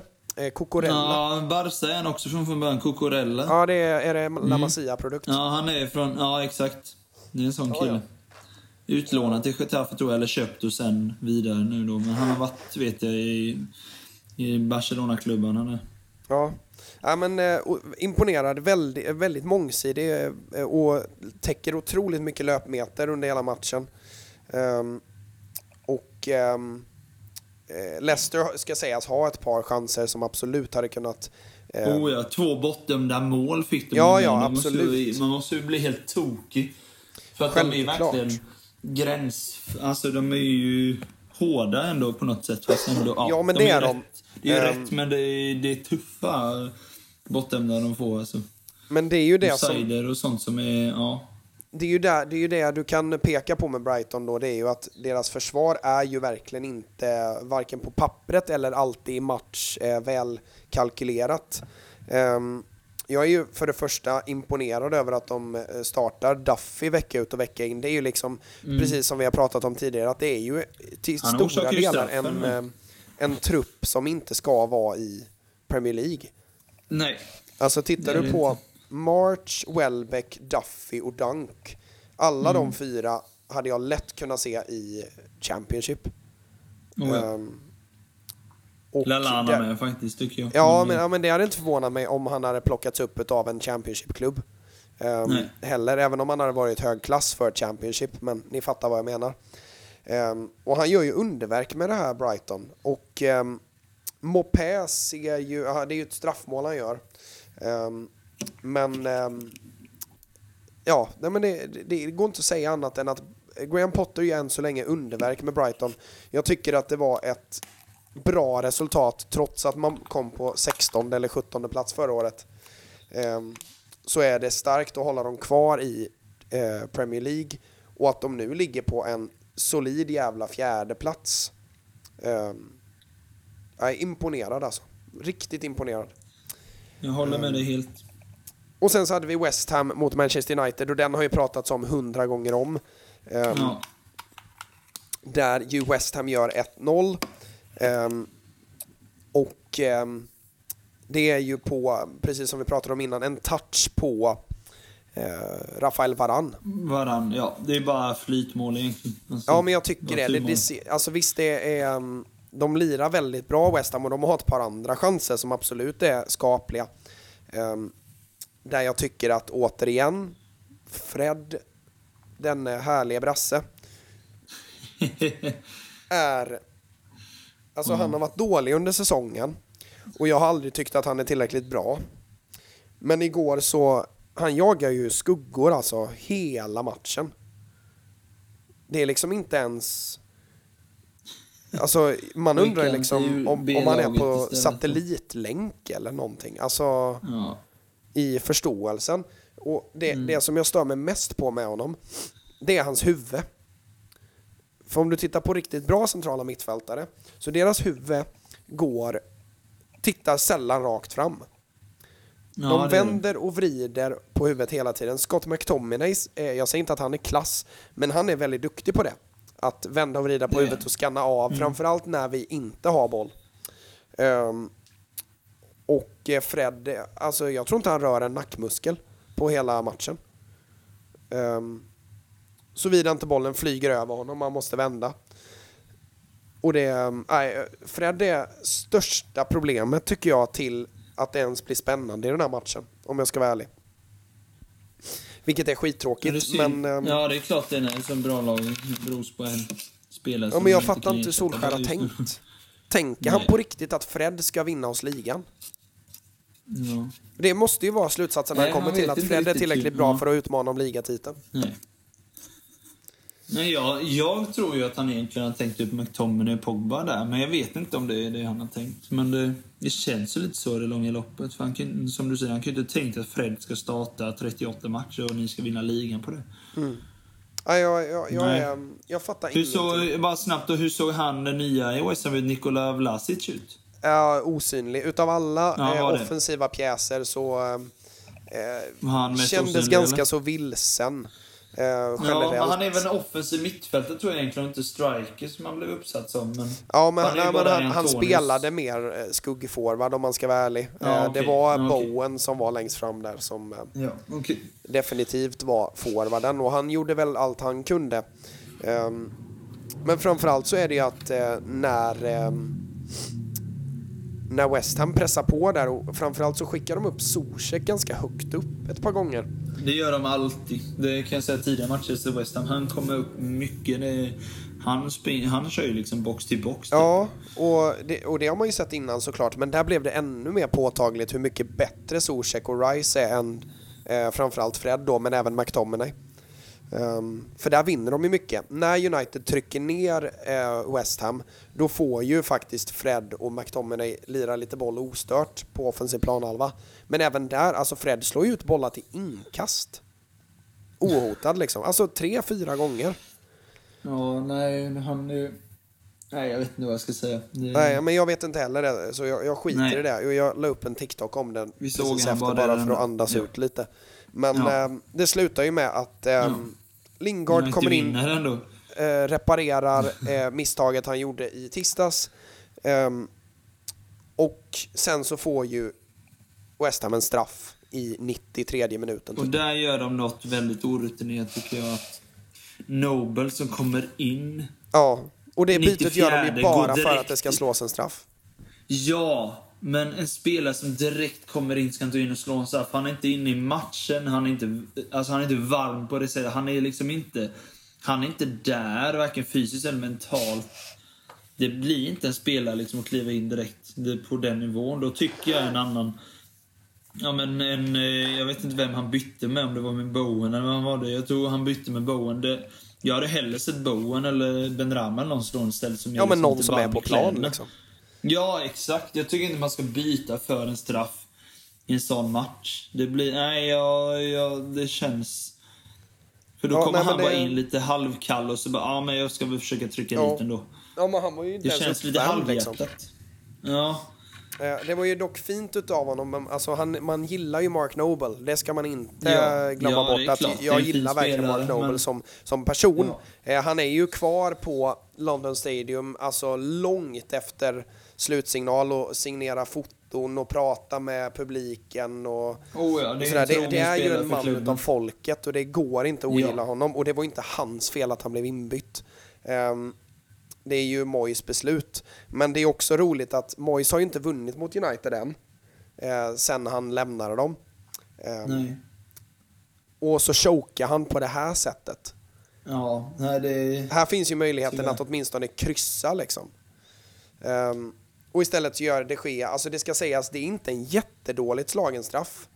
Nej, det är en bra straff. Sen så är den en ganska tacksam höjd, men den är Ja, långt ut i kanten. men den är ju hård, sker alltså. en bra räddning. Eh, Ja, den, den är, bra hård och den, den, den står ju stilla i luften, så det är ju en sån här lurig bollbana som... Visst, nu är det bara 11 meter ifrån så den hinner inte swerva, men det är en boll som ser ut som att den skulle kunna dyka och vända och vrida lite om den hade fått lite tid på sig. Um, och de Geas händer ser ju ut som tegelstenar. Um, för bollen studsar rakt ut till en, ett kontringsläge för United i stort sett. Um, och de Gea räddar sin första straff på 41 försök. Oj, ja det är ju inte jätte... Det är katastrofalt. Sen så har ju målvakt väldigt underläge tycker jag i straffar, men... Självklart, 40 men ändå- 40 Tycker man ändå man ska rädda någon. innan han räddar den. Ja. Det är dåligt. Ja. Men det, Ja, här får han ju faktiskt. bli hjälte och det behöver verkligen David de Gea. Eh, och jag hoppas Ja. verkligen att han får känna det. Att dels så kan han inte göra ett skvatt på målet och sen räddar han de tre poängen. Eh, Ja. Vilket såklart är viktigt för de Gea. Eh, men sen så den sista matchen utav eh, Premier League drar vi alldeles... Londonderbyt. Precis, jag måste bara kissa för jag har druckit typ fyra koppar te. Ja, och jag, jag missade ju eh, det här spektaklet då. För att jag var sjuk och hade eh, coachat match och somnade. Eh, vilket gjorde att, eh, tja, jag somnade helt enkelt. Eh, så du får gärna berätta för mig om London-derbyt Tottenham-Chelsea som slutade 3-0 till Ja. Chelsea. Speglar inte riktigt matchbilden, men det var ju väldigt... Det var också en väldigt underhållande match. Inte jättemycket målchans i första halvlek, men det var två bra lag. Lite besviken på Chelsea faktiskt, för de är, tycker jag är väldigt duktiga i sitt omställningsspel, men de var väldigt ineffektiva i de få kontringslängder de fick. Vad sa du, Tottenham eller Nej. Chelsea? Chelsea var Ja. väldigt eh, dåliga på det tycker jag. Yes. Eller var väldigt ineffektiva, ska man väl säga. Och eh, Tottenham stod bra, försvarar bra, skapar också lite lägen, men det... Ska sägas att Kepa stod i mål för att Mendy, tror jag, var skadad. Eller sjuk. Ja, för, eh, det. Det, det fuckade ju för mig lite för ehm, jag har ju Mendy i mitt FPL. Ja, jag förstår det. Det är nog fler som har det, men det, jag var inte heller riktigt redo på det. Men han gjorde en rätt bra match. Jag har ju inte varit så fan av han senaste året, men han gör ändå en stabil match. Framförallt utav det, det lilla jag han såg ska sägas att jag såg ungefär första kvarten. Det jag hinner se det är ju att eh, Chelseas backlinje ser ju obräckbar ut alltså. Alltså, Thiago Silva är sån klippa. Det är, jag älskar ju kära City är Ruben Diaz en klippa. Men Thiago Silva var ju... Första halvlek var han ju bäst på plan. Av alla. Han var ju hur bra som helst. Han... Som eh, de sa, eh, kommentatorerna, om det var Glenn eller vem det var. Just att de, han tar inte ett steg fel. Nej. Han kommer rätt i varenda situation. Han vinner alla bollar han behöver vinna. Han, ja, men han, han gör allting så rätt hela tiden. Framförallt så Det känns det ju så- som att, alltså för han är ju inte världens snabbaste längre. Ehm, Nej. Han var ju rent av eh, snabb eh, för tio år sedan ehm, i Milan. Men ehm, har ju mattats med åren såklart. Han är väl 35 eller 36 nu. Ehm, och Men han ehm, är nog något sånt. jag tror ju att när han nu får spela med framförallt Rydiger som är ett fysiskt jävla monster. ehm, så jag tror att han, och Christensen då som också är eh, snabb om inte annat. ehm, att i en treback så kan han fokusera på positionsspel och försvarsspel och uppspel. ehm, I mångt och mycket eh, hela tiden. Och det gör att jag tror att hade han spelat i en fyrback så hade han haft det lite tuffare. Nu är de tre stycken som kompletterar varandra jävligt bra. Ja, det är en Ehm, riktigt bra trio där. Det är, ja, jag är sjukt imponerad. Och sen så tyckte jag det hände rätt mycket. De startade ju med Kovacic och... Eh, eh, Jorginho på mitten, på centrala. Ja, och då... Men i paus så ni- plockar ut fattar- Mount och sätter in eh, Kanté. Ja, precis. Och då, Ehm. det känns som det händer ganska mycket då. Det blir nog en rokad taktiskt som inte jag har riktigt koll på, men det märktes att Alonso på vänsterkanten fick en mer friare roll, började hamna centralt många stunder och liksom det blev lite räknefel för Spurs kändes det som. Så att eh, han gjorde ju att han fick både yta centralt men också på kanten som gjorde att de kom förbi där ganska ofta. Och Kanté är ju Kanté så att de, han gör ju också väldigt mycket som är bra. Eh, Så det känns som de löser uppspelen lite annorlunda och kommer förbi lite lättare och gör att de får även två mål innan timmen är spelad. Liksom. Om jag ska gissa då så blir de ju lite mer direkta. Ehm, Ja, det är ju just det. De blir lite rakare i sitt spel känns det som. Och ehm, värt att nämna då att eh, Saul har inte fått spela en minut än. Nej, Ehm. det är ju det man undrar. Just det, det är ju som klassspelare och så får, lägger man... Nej, det var en, det, kan, det är ju så, såklart en långsiktig värvning kanske. Ja, och du, du har liksom så här, du har N'Golo. Kanté, du har Saul, du har Ziyech, du har Mount, du har Havertz, du har Kovacic, du har Jorginho. Alla dessa som ska in på fyra platser. Ja, det är, man vet inte hur riktigt han tänker. Det är ju härlig bredd att ha, men det är ju hålla alla Självklart, men, nöjda eh, och glada. Det kommer vara tufft alltså. Men när vi pratar om till exempel Uniteds centrala fält som jag menar är bland de Ni kan få absolut låna sämsta. några Chelsea. Ja, men jag menar ju det. Alltså varenda spelare i Chelsea här Hade som spelar centralt hade ju promenerat in i Uniteds mittfält. Ja, Ehm, lätt alltså. Och spelat 38 matcher. Ja. Ehm, Så jag- ja, det, det, det är en otrolig bredd de har och jag tror ju Ja. faktiskt att Chelsea vinner det här. Så som det ser ut nu. Så om jag ska dra en segrare ur hatten nu så skulle jag säga Chelsea. Mm, jag, eh, håll, jag håller med dig, tror jag. Det, ja, jag tror ju såklart på City egentligen, men Chelsea är nog tvåa i alla fall. Ja men de har liksom släppt ett mål på fem matcher. Det har förvisso Mm, Liverpool vet. också. Ska Ja. sägas. Och det var ju också Ja. kul att deras eh, resultat än så länge är ju identiska. Ja. Alltså helt Nej, exakt. men de, ja, jag vet. Det det är, de, båda de lagen är ju väldigt stabila bakåt nu. De Men spelar det är så kul med att Thiago Silva får göra 1-0 med på hörna från Alonso då i början på andra halvlek. Ja. Som gör att de får sån sjuklig energi. Det märks verkligen. De är så taggade då. Mm. Och sen gör Kanté också sånt flytmål som eh, Varann orsakade fast de sköt på Dyer in i mål. Mm. När den går mot ena hörnet så tar han på Dyer, går i andra hörnet stolpe, rullar längs med mållinjen och in i mål. Och då, då Mm. märker man att eh, Spurs börjar tappa huvudet. De är inte sugna. De skapar inte mycket efter det. Men... eh, Ja, sen så blir det 3-0 då på tilläggstid, gör Rydiger en mål. Eh, sätter spiken i kistan. Men det, Spurs var ändå bra fram till de målen egentligen. Sen tycker jag de blev ganska... Ja, man märkte att de började hänga med huvudet. Var inte, hade inte riktigt någon... De hade ingen offensiv att sätta in. De hade Brian, han Brian Gill, eller vad han heter. Som kom ändå in med lite, eh, med lite, ja, med lite teknik och lite energi och sånt där. Men han bidrog inte med jättemycket. Men han, eh, de, har en som heter Oliver Skip som kom in istället för Ndombele som, fram, som ska sägas vara väldigt bra i första halvlek. Så Oliver Skip, ett utropstecken tycker jag i andra halvlek. Sli, slet och jobbade och vann mycket boll faktiskt. Och Ja, han, han, visade... jag har ju sagt det tidigare, han är väldigt bra, Oliver Skip.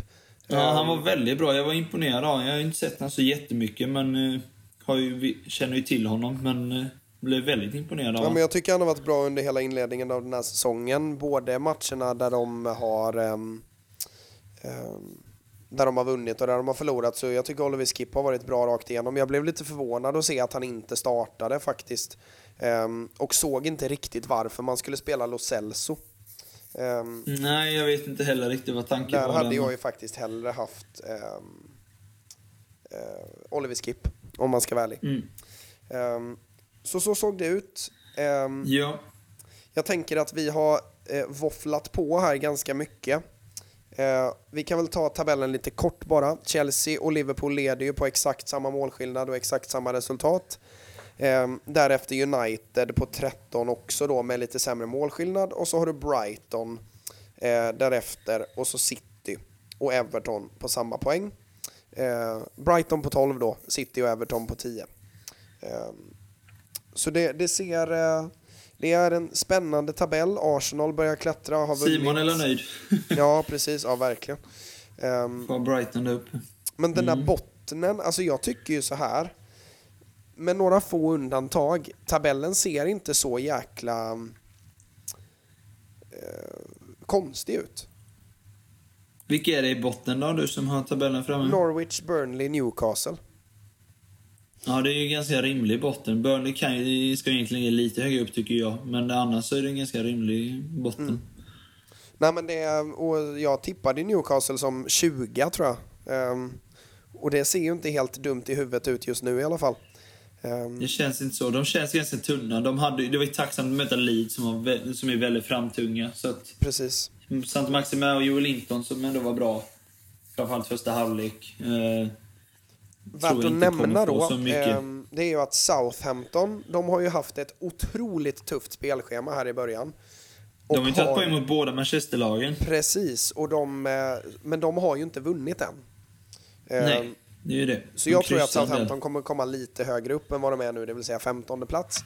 Men jag skulle säga, byter man plats på Brighton respektive Leicester eh, och Watford med Arsenal, eh, det vill säga Leicester på 12, Brighton på fjärde, byt plats på dem.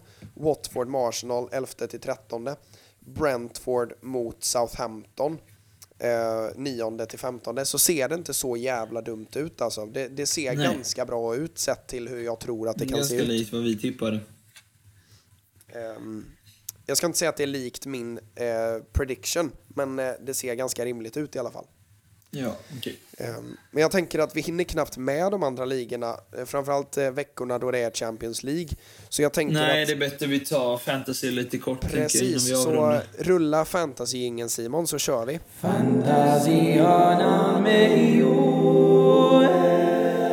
Yes, och då börjar ju min röst verkligen ge sig. Den har väl gjort det sedan minut 15 egentligen. Men eh, det här är ju din hörna Joel. Ehm, så du får väl dra oss igenom eh, en ganska så intressant vecka måste man väl ändå säga. Sett jag FPL. tycker ändå det. Ja, det var det. Tyvärr en av mina lite sämre veckor. Jag tappade en del. Ja, jag såg det. Du droppade Plock- till... eh, Plockade bara 59 poäng, men det var ju just att jag hade inte riktigt känsla. Eh, hade lite oflyt med lite olika saker. Hade både Trent som inte eh, spelade, hade satt in Ferran Torres inför förra veckan. Som inte fick komma in alls för City, så jag hade två spelare där. Utöver det så hade jag ju Antonio som var avstängd, så jag hade ju flera spelare som inte ens spelade. Och utöver det så var det ju... Jag tänkte jag skulle ett smart byte och försöka få in... Jag var ju, få in Jota, för han hade inte jag innan. Och Just det. i och med att han har sett så vass ut tidigare matcher. Han ju mål denna matchen också, men jag bara kände att han gör mål på Crystal Palace. Det, Jag bara måste in honom. För han kommer få spela och göra en del mål nu innan Firmino är tillbaka i alla fall. Sen vet jag inte hur det blir när Firmino är redo, om han petar han ändå. Men, så det var min tanke och då var jag ju tvungen att ta ut Semikas för att få in en tredje Liverpool-spelare. Just det.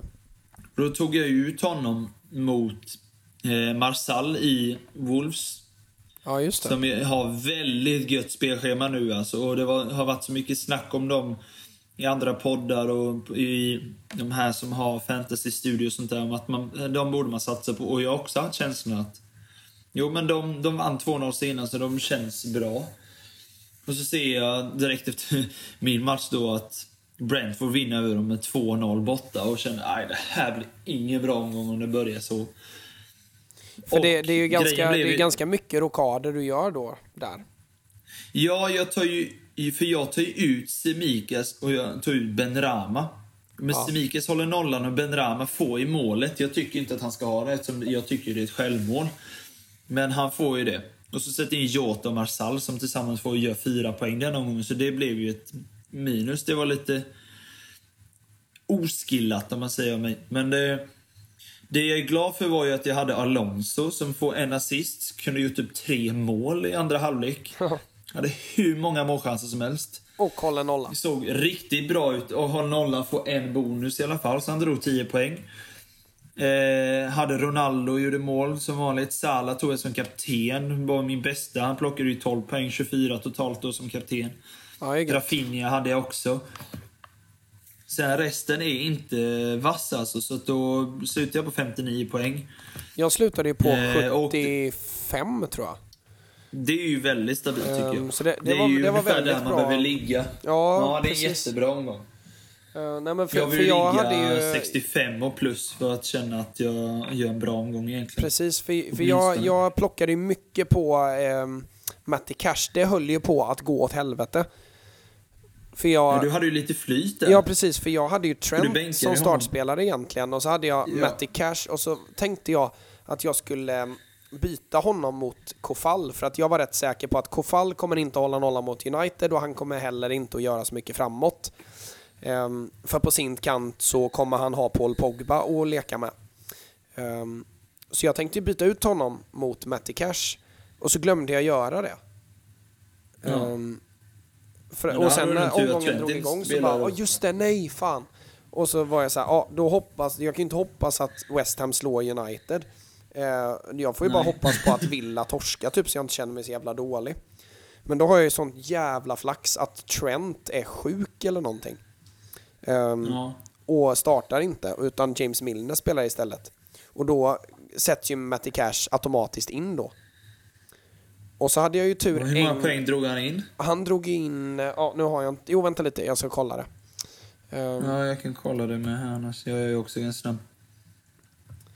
ehm, Han, eh, 15 poäng gjorde han ju, så det är ju precis, jättebra. 15 poäng. Och sen så det är hade jag ju, kaptenspoäng liksom. Det är ju... sen så hade jag ju gode härlige Foster på bänken då och så hade jag ju Mendy som startspelare då. Ja, Ehm, då fick du ändå Fosters poäng där. Det är ändå något. Precis, och då kom ju han in där med tre poäng. Så det var ju också gött. Mm. Så jag hade sån jävla Ja. tur egentligen. Och sen så, det som sumpar mig då, det är ju att jag hade Sala då eh, som vicekapten och Fernandes som kapten. Ehm, Ja, just det. Ja, den är tuff.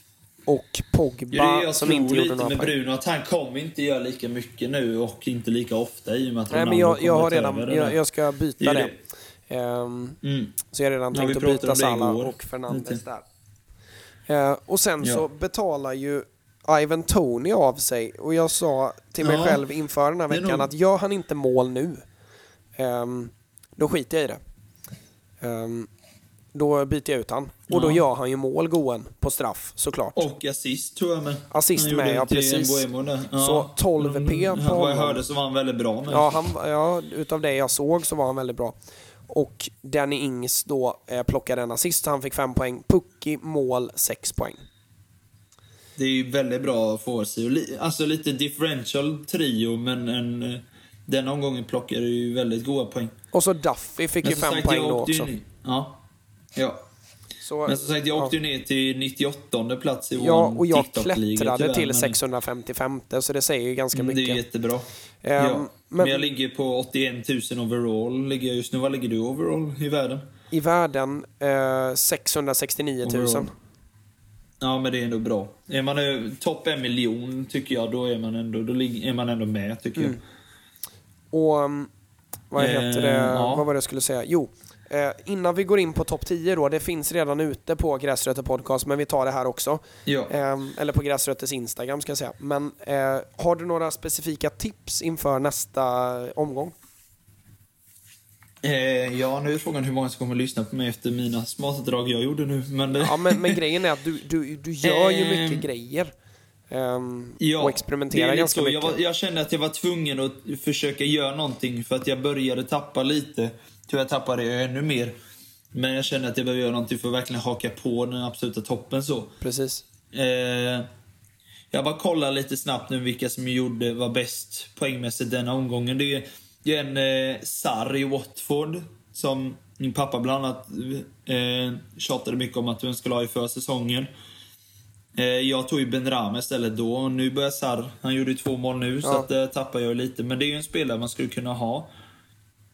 Som inte är billig för de har Newcastle och Leeds nästa två. Sen har Liverpool såklart, men sen Everton, Southampton. Så de var ganska hyfsade ändå matcher. Så han Ja, kan vara en sån lite billigare mittfältare.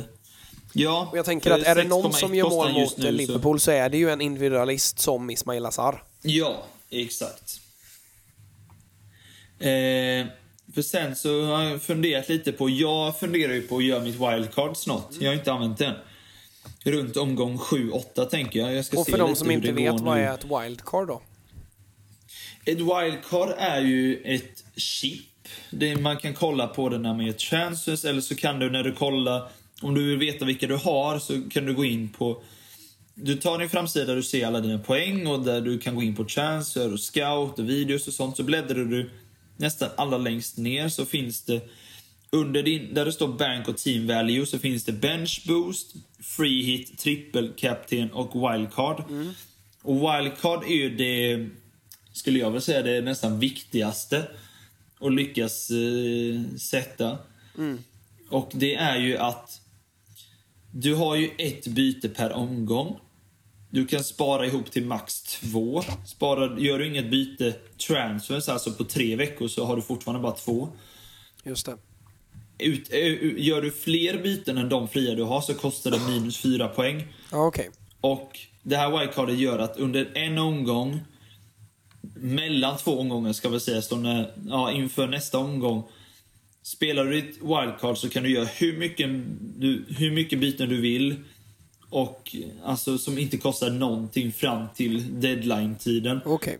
När du har gjort det så har du gjort det gratis. Och det ska, tycker jag man ska använda om man känner att oj, jag börjar verkligen tappa nu. Jag börjar få skador, jag börjar få märka att det här är fel spelare som inte levererar och känner att du behöver byta liksom 6-7 spelare i din trupp. Då kan wildcard vara bra att ha och liksom se att okej, de här spelarna är i form, de levererar. In med dem då så att du hakar på dem som plockar poäng. Just det. Eh, men mina spontana tips, det är väl att just vänta omgång 7-8 för att då ser man lite vilka spel, för en del de här lite, vad ska man säga, City, Chelsea, United, Liverpool. En del av de lagen har ju ett lag som spelar ligan och sen roterar de lite mer Champions League och kupper och sånt där.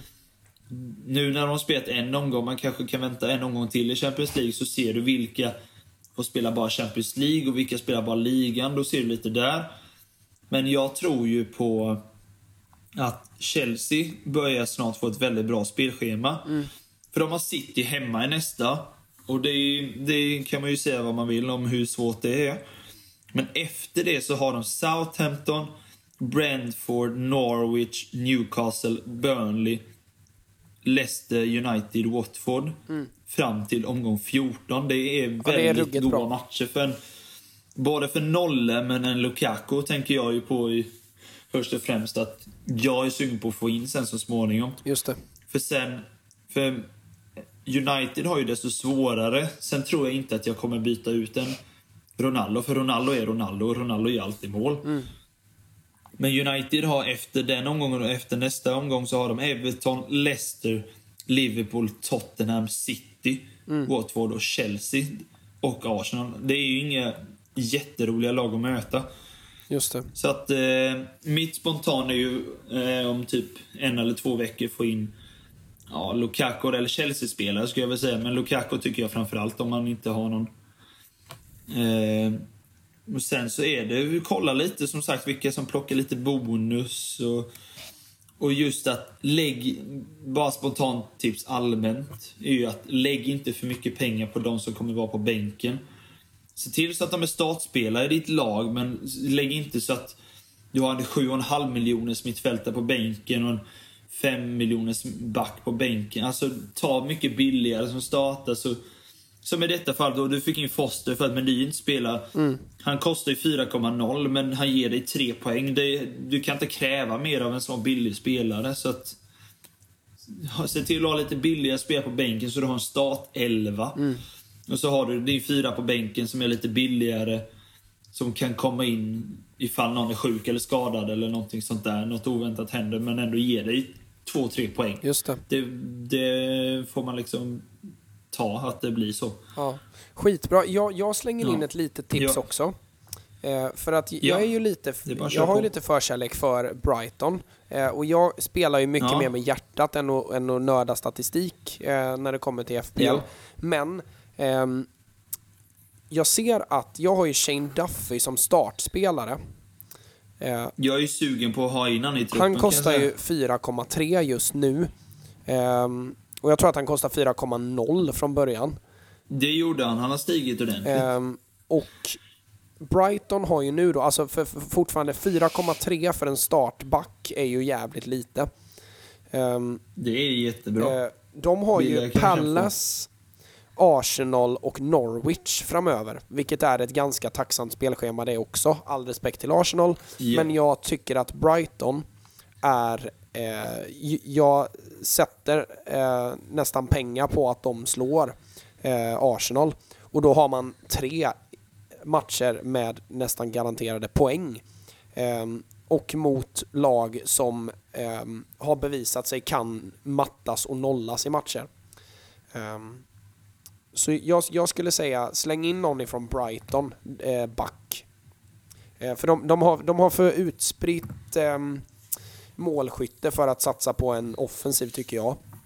Ja, de gör för lite mål överlag Ja, för att ha dem. precis. Så det, är- där ska man satsa på en back i så fall. Precis, och då, då säger jag Duffy. Ehm, för han är Ja. ruggigt billig. Det, nästan vem som helst kan få in Mm. han utan att behöva göra massa byten. Ja. Ehm, så så tror jag. Nej, jag håller med. Det låter bra. Ja. Eh, skitbra, och nu tar vi topp 10 då innan vi avslutar dagens kavalkader och eh, shenanigans. Eh, då är det så här Yes. att på första plats är ju ett otroligt namn för det första, Ben Ramas in pyjamas. Ja, det är klockrent. Eller Ben Det är Ramas ju in tacksamt pyjamas. att han gjorde mål nu i helgen. Ja, fantastiskt.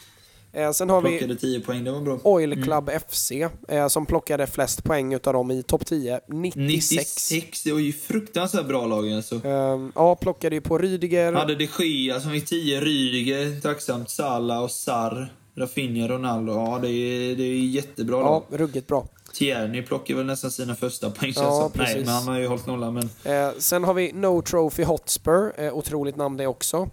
Eh, på 73, det Yes. känns som att det var många som plockade mellan 70 och 79. Eh, utav de som Det ligger högt här. Eh, det var därför jag tappade. precis, och så har vi eh, ett lag som bara heter S. Eh, som ligger på fjärde plats med 413 totalpoäng och 73 poäng även den här veckan. Eh, sen hade vi Jinja Ninja, eh, min fucking broder, på eh, 409 poäng. Eh, och 77 poäng, också en jäkligt bra... um, Det är en bra omgång. Ja, precis. Eh, Me, My, Delf and I på sjätte plats sjönk ju då eh, från förra veckan för han hade en ganska svag eh, vecka nu då på 56. Eh, Simons 11 eh, på sjunde plats som plockar 67 poäng. Eh, och sen så Svantish FC på åttonde plats, Mattes lag på nionde plats och Zink United på tionde plats.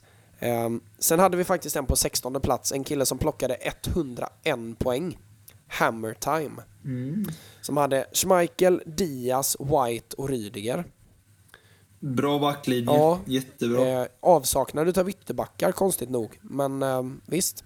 Faktiskt. Det, jag föredrar ju det, men han Ja, han lyckas kör få på till det bra där. och mår bra, tror jag. Eh, ben Rama, Greenwood, Salah, Sarr och sen Lukaku, Tony och Bamford. Ehm, Ja, det är, det är ju mittfältet som bidrar med jättemycket. ja, där. det är Salah då som kapten på och 24 Tony poäng. på 12 poäng. Ja, liksom. precis. Det, ja, det är ju... Ja, det är stabilt lag. Mycket, mycket bra. Bra bänk också. Då hade han ändå Trent på bänken. Det hade varit intressant att veta vem han bänkade. För jag gissar på att han startade med Trent. Ja, Så det var ju förmodligen någon han fick in här. Så det hade varit intressant att veta om han fick, vem han fick in som gav... precis. Eftersom flera av hans spelare gav så mycket poäng. Men... Ja, grymt att få över 100. Det, det hängde man ju på i början, men nu så är det nästan omöjligt. Precis.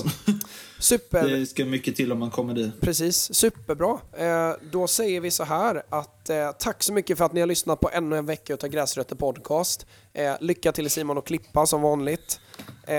Tack så mycket Ja, det här Joel. kommer inte bli jag lätt med det här hoppas ju att, ja, jag hoppas ju att nästa gång så sitter vi här, inte rygg mot rygg, men axel mot axel och eh, spelar Mm. in det på riktigt. Ehm, och om det blir lite dålig kvalitet så hoppas vi att ni förstår. Eh, Joel vill inte få aids, precis som jag.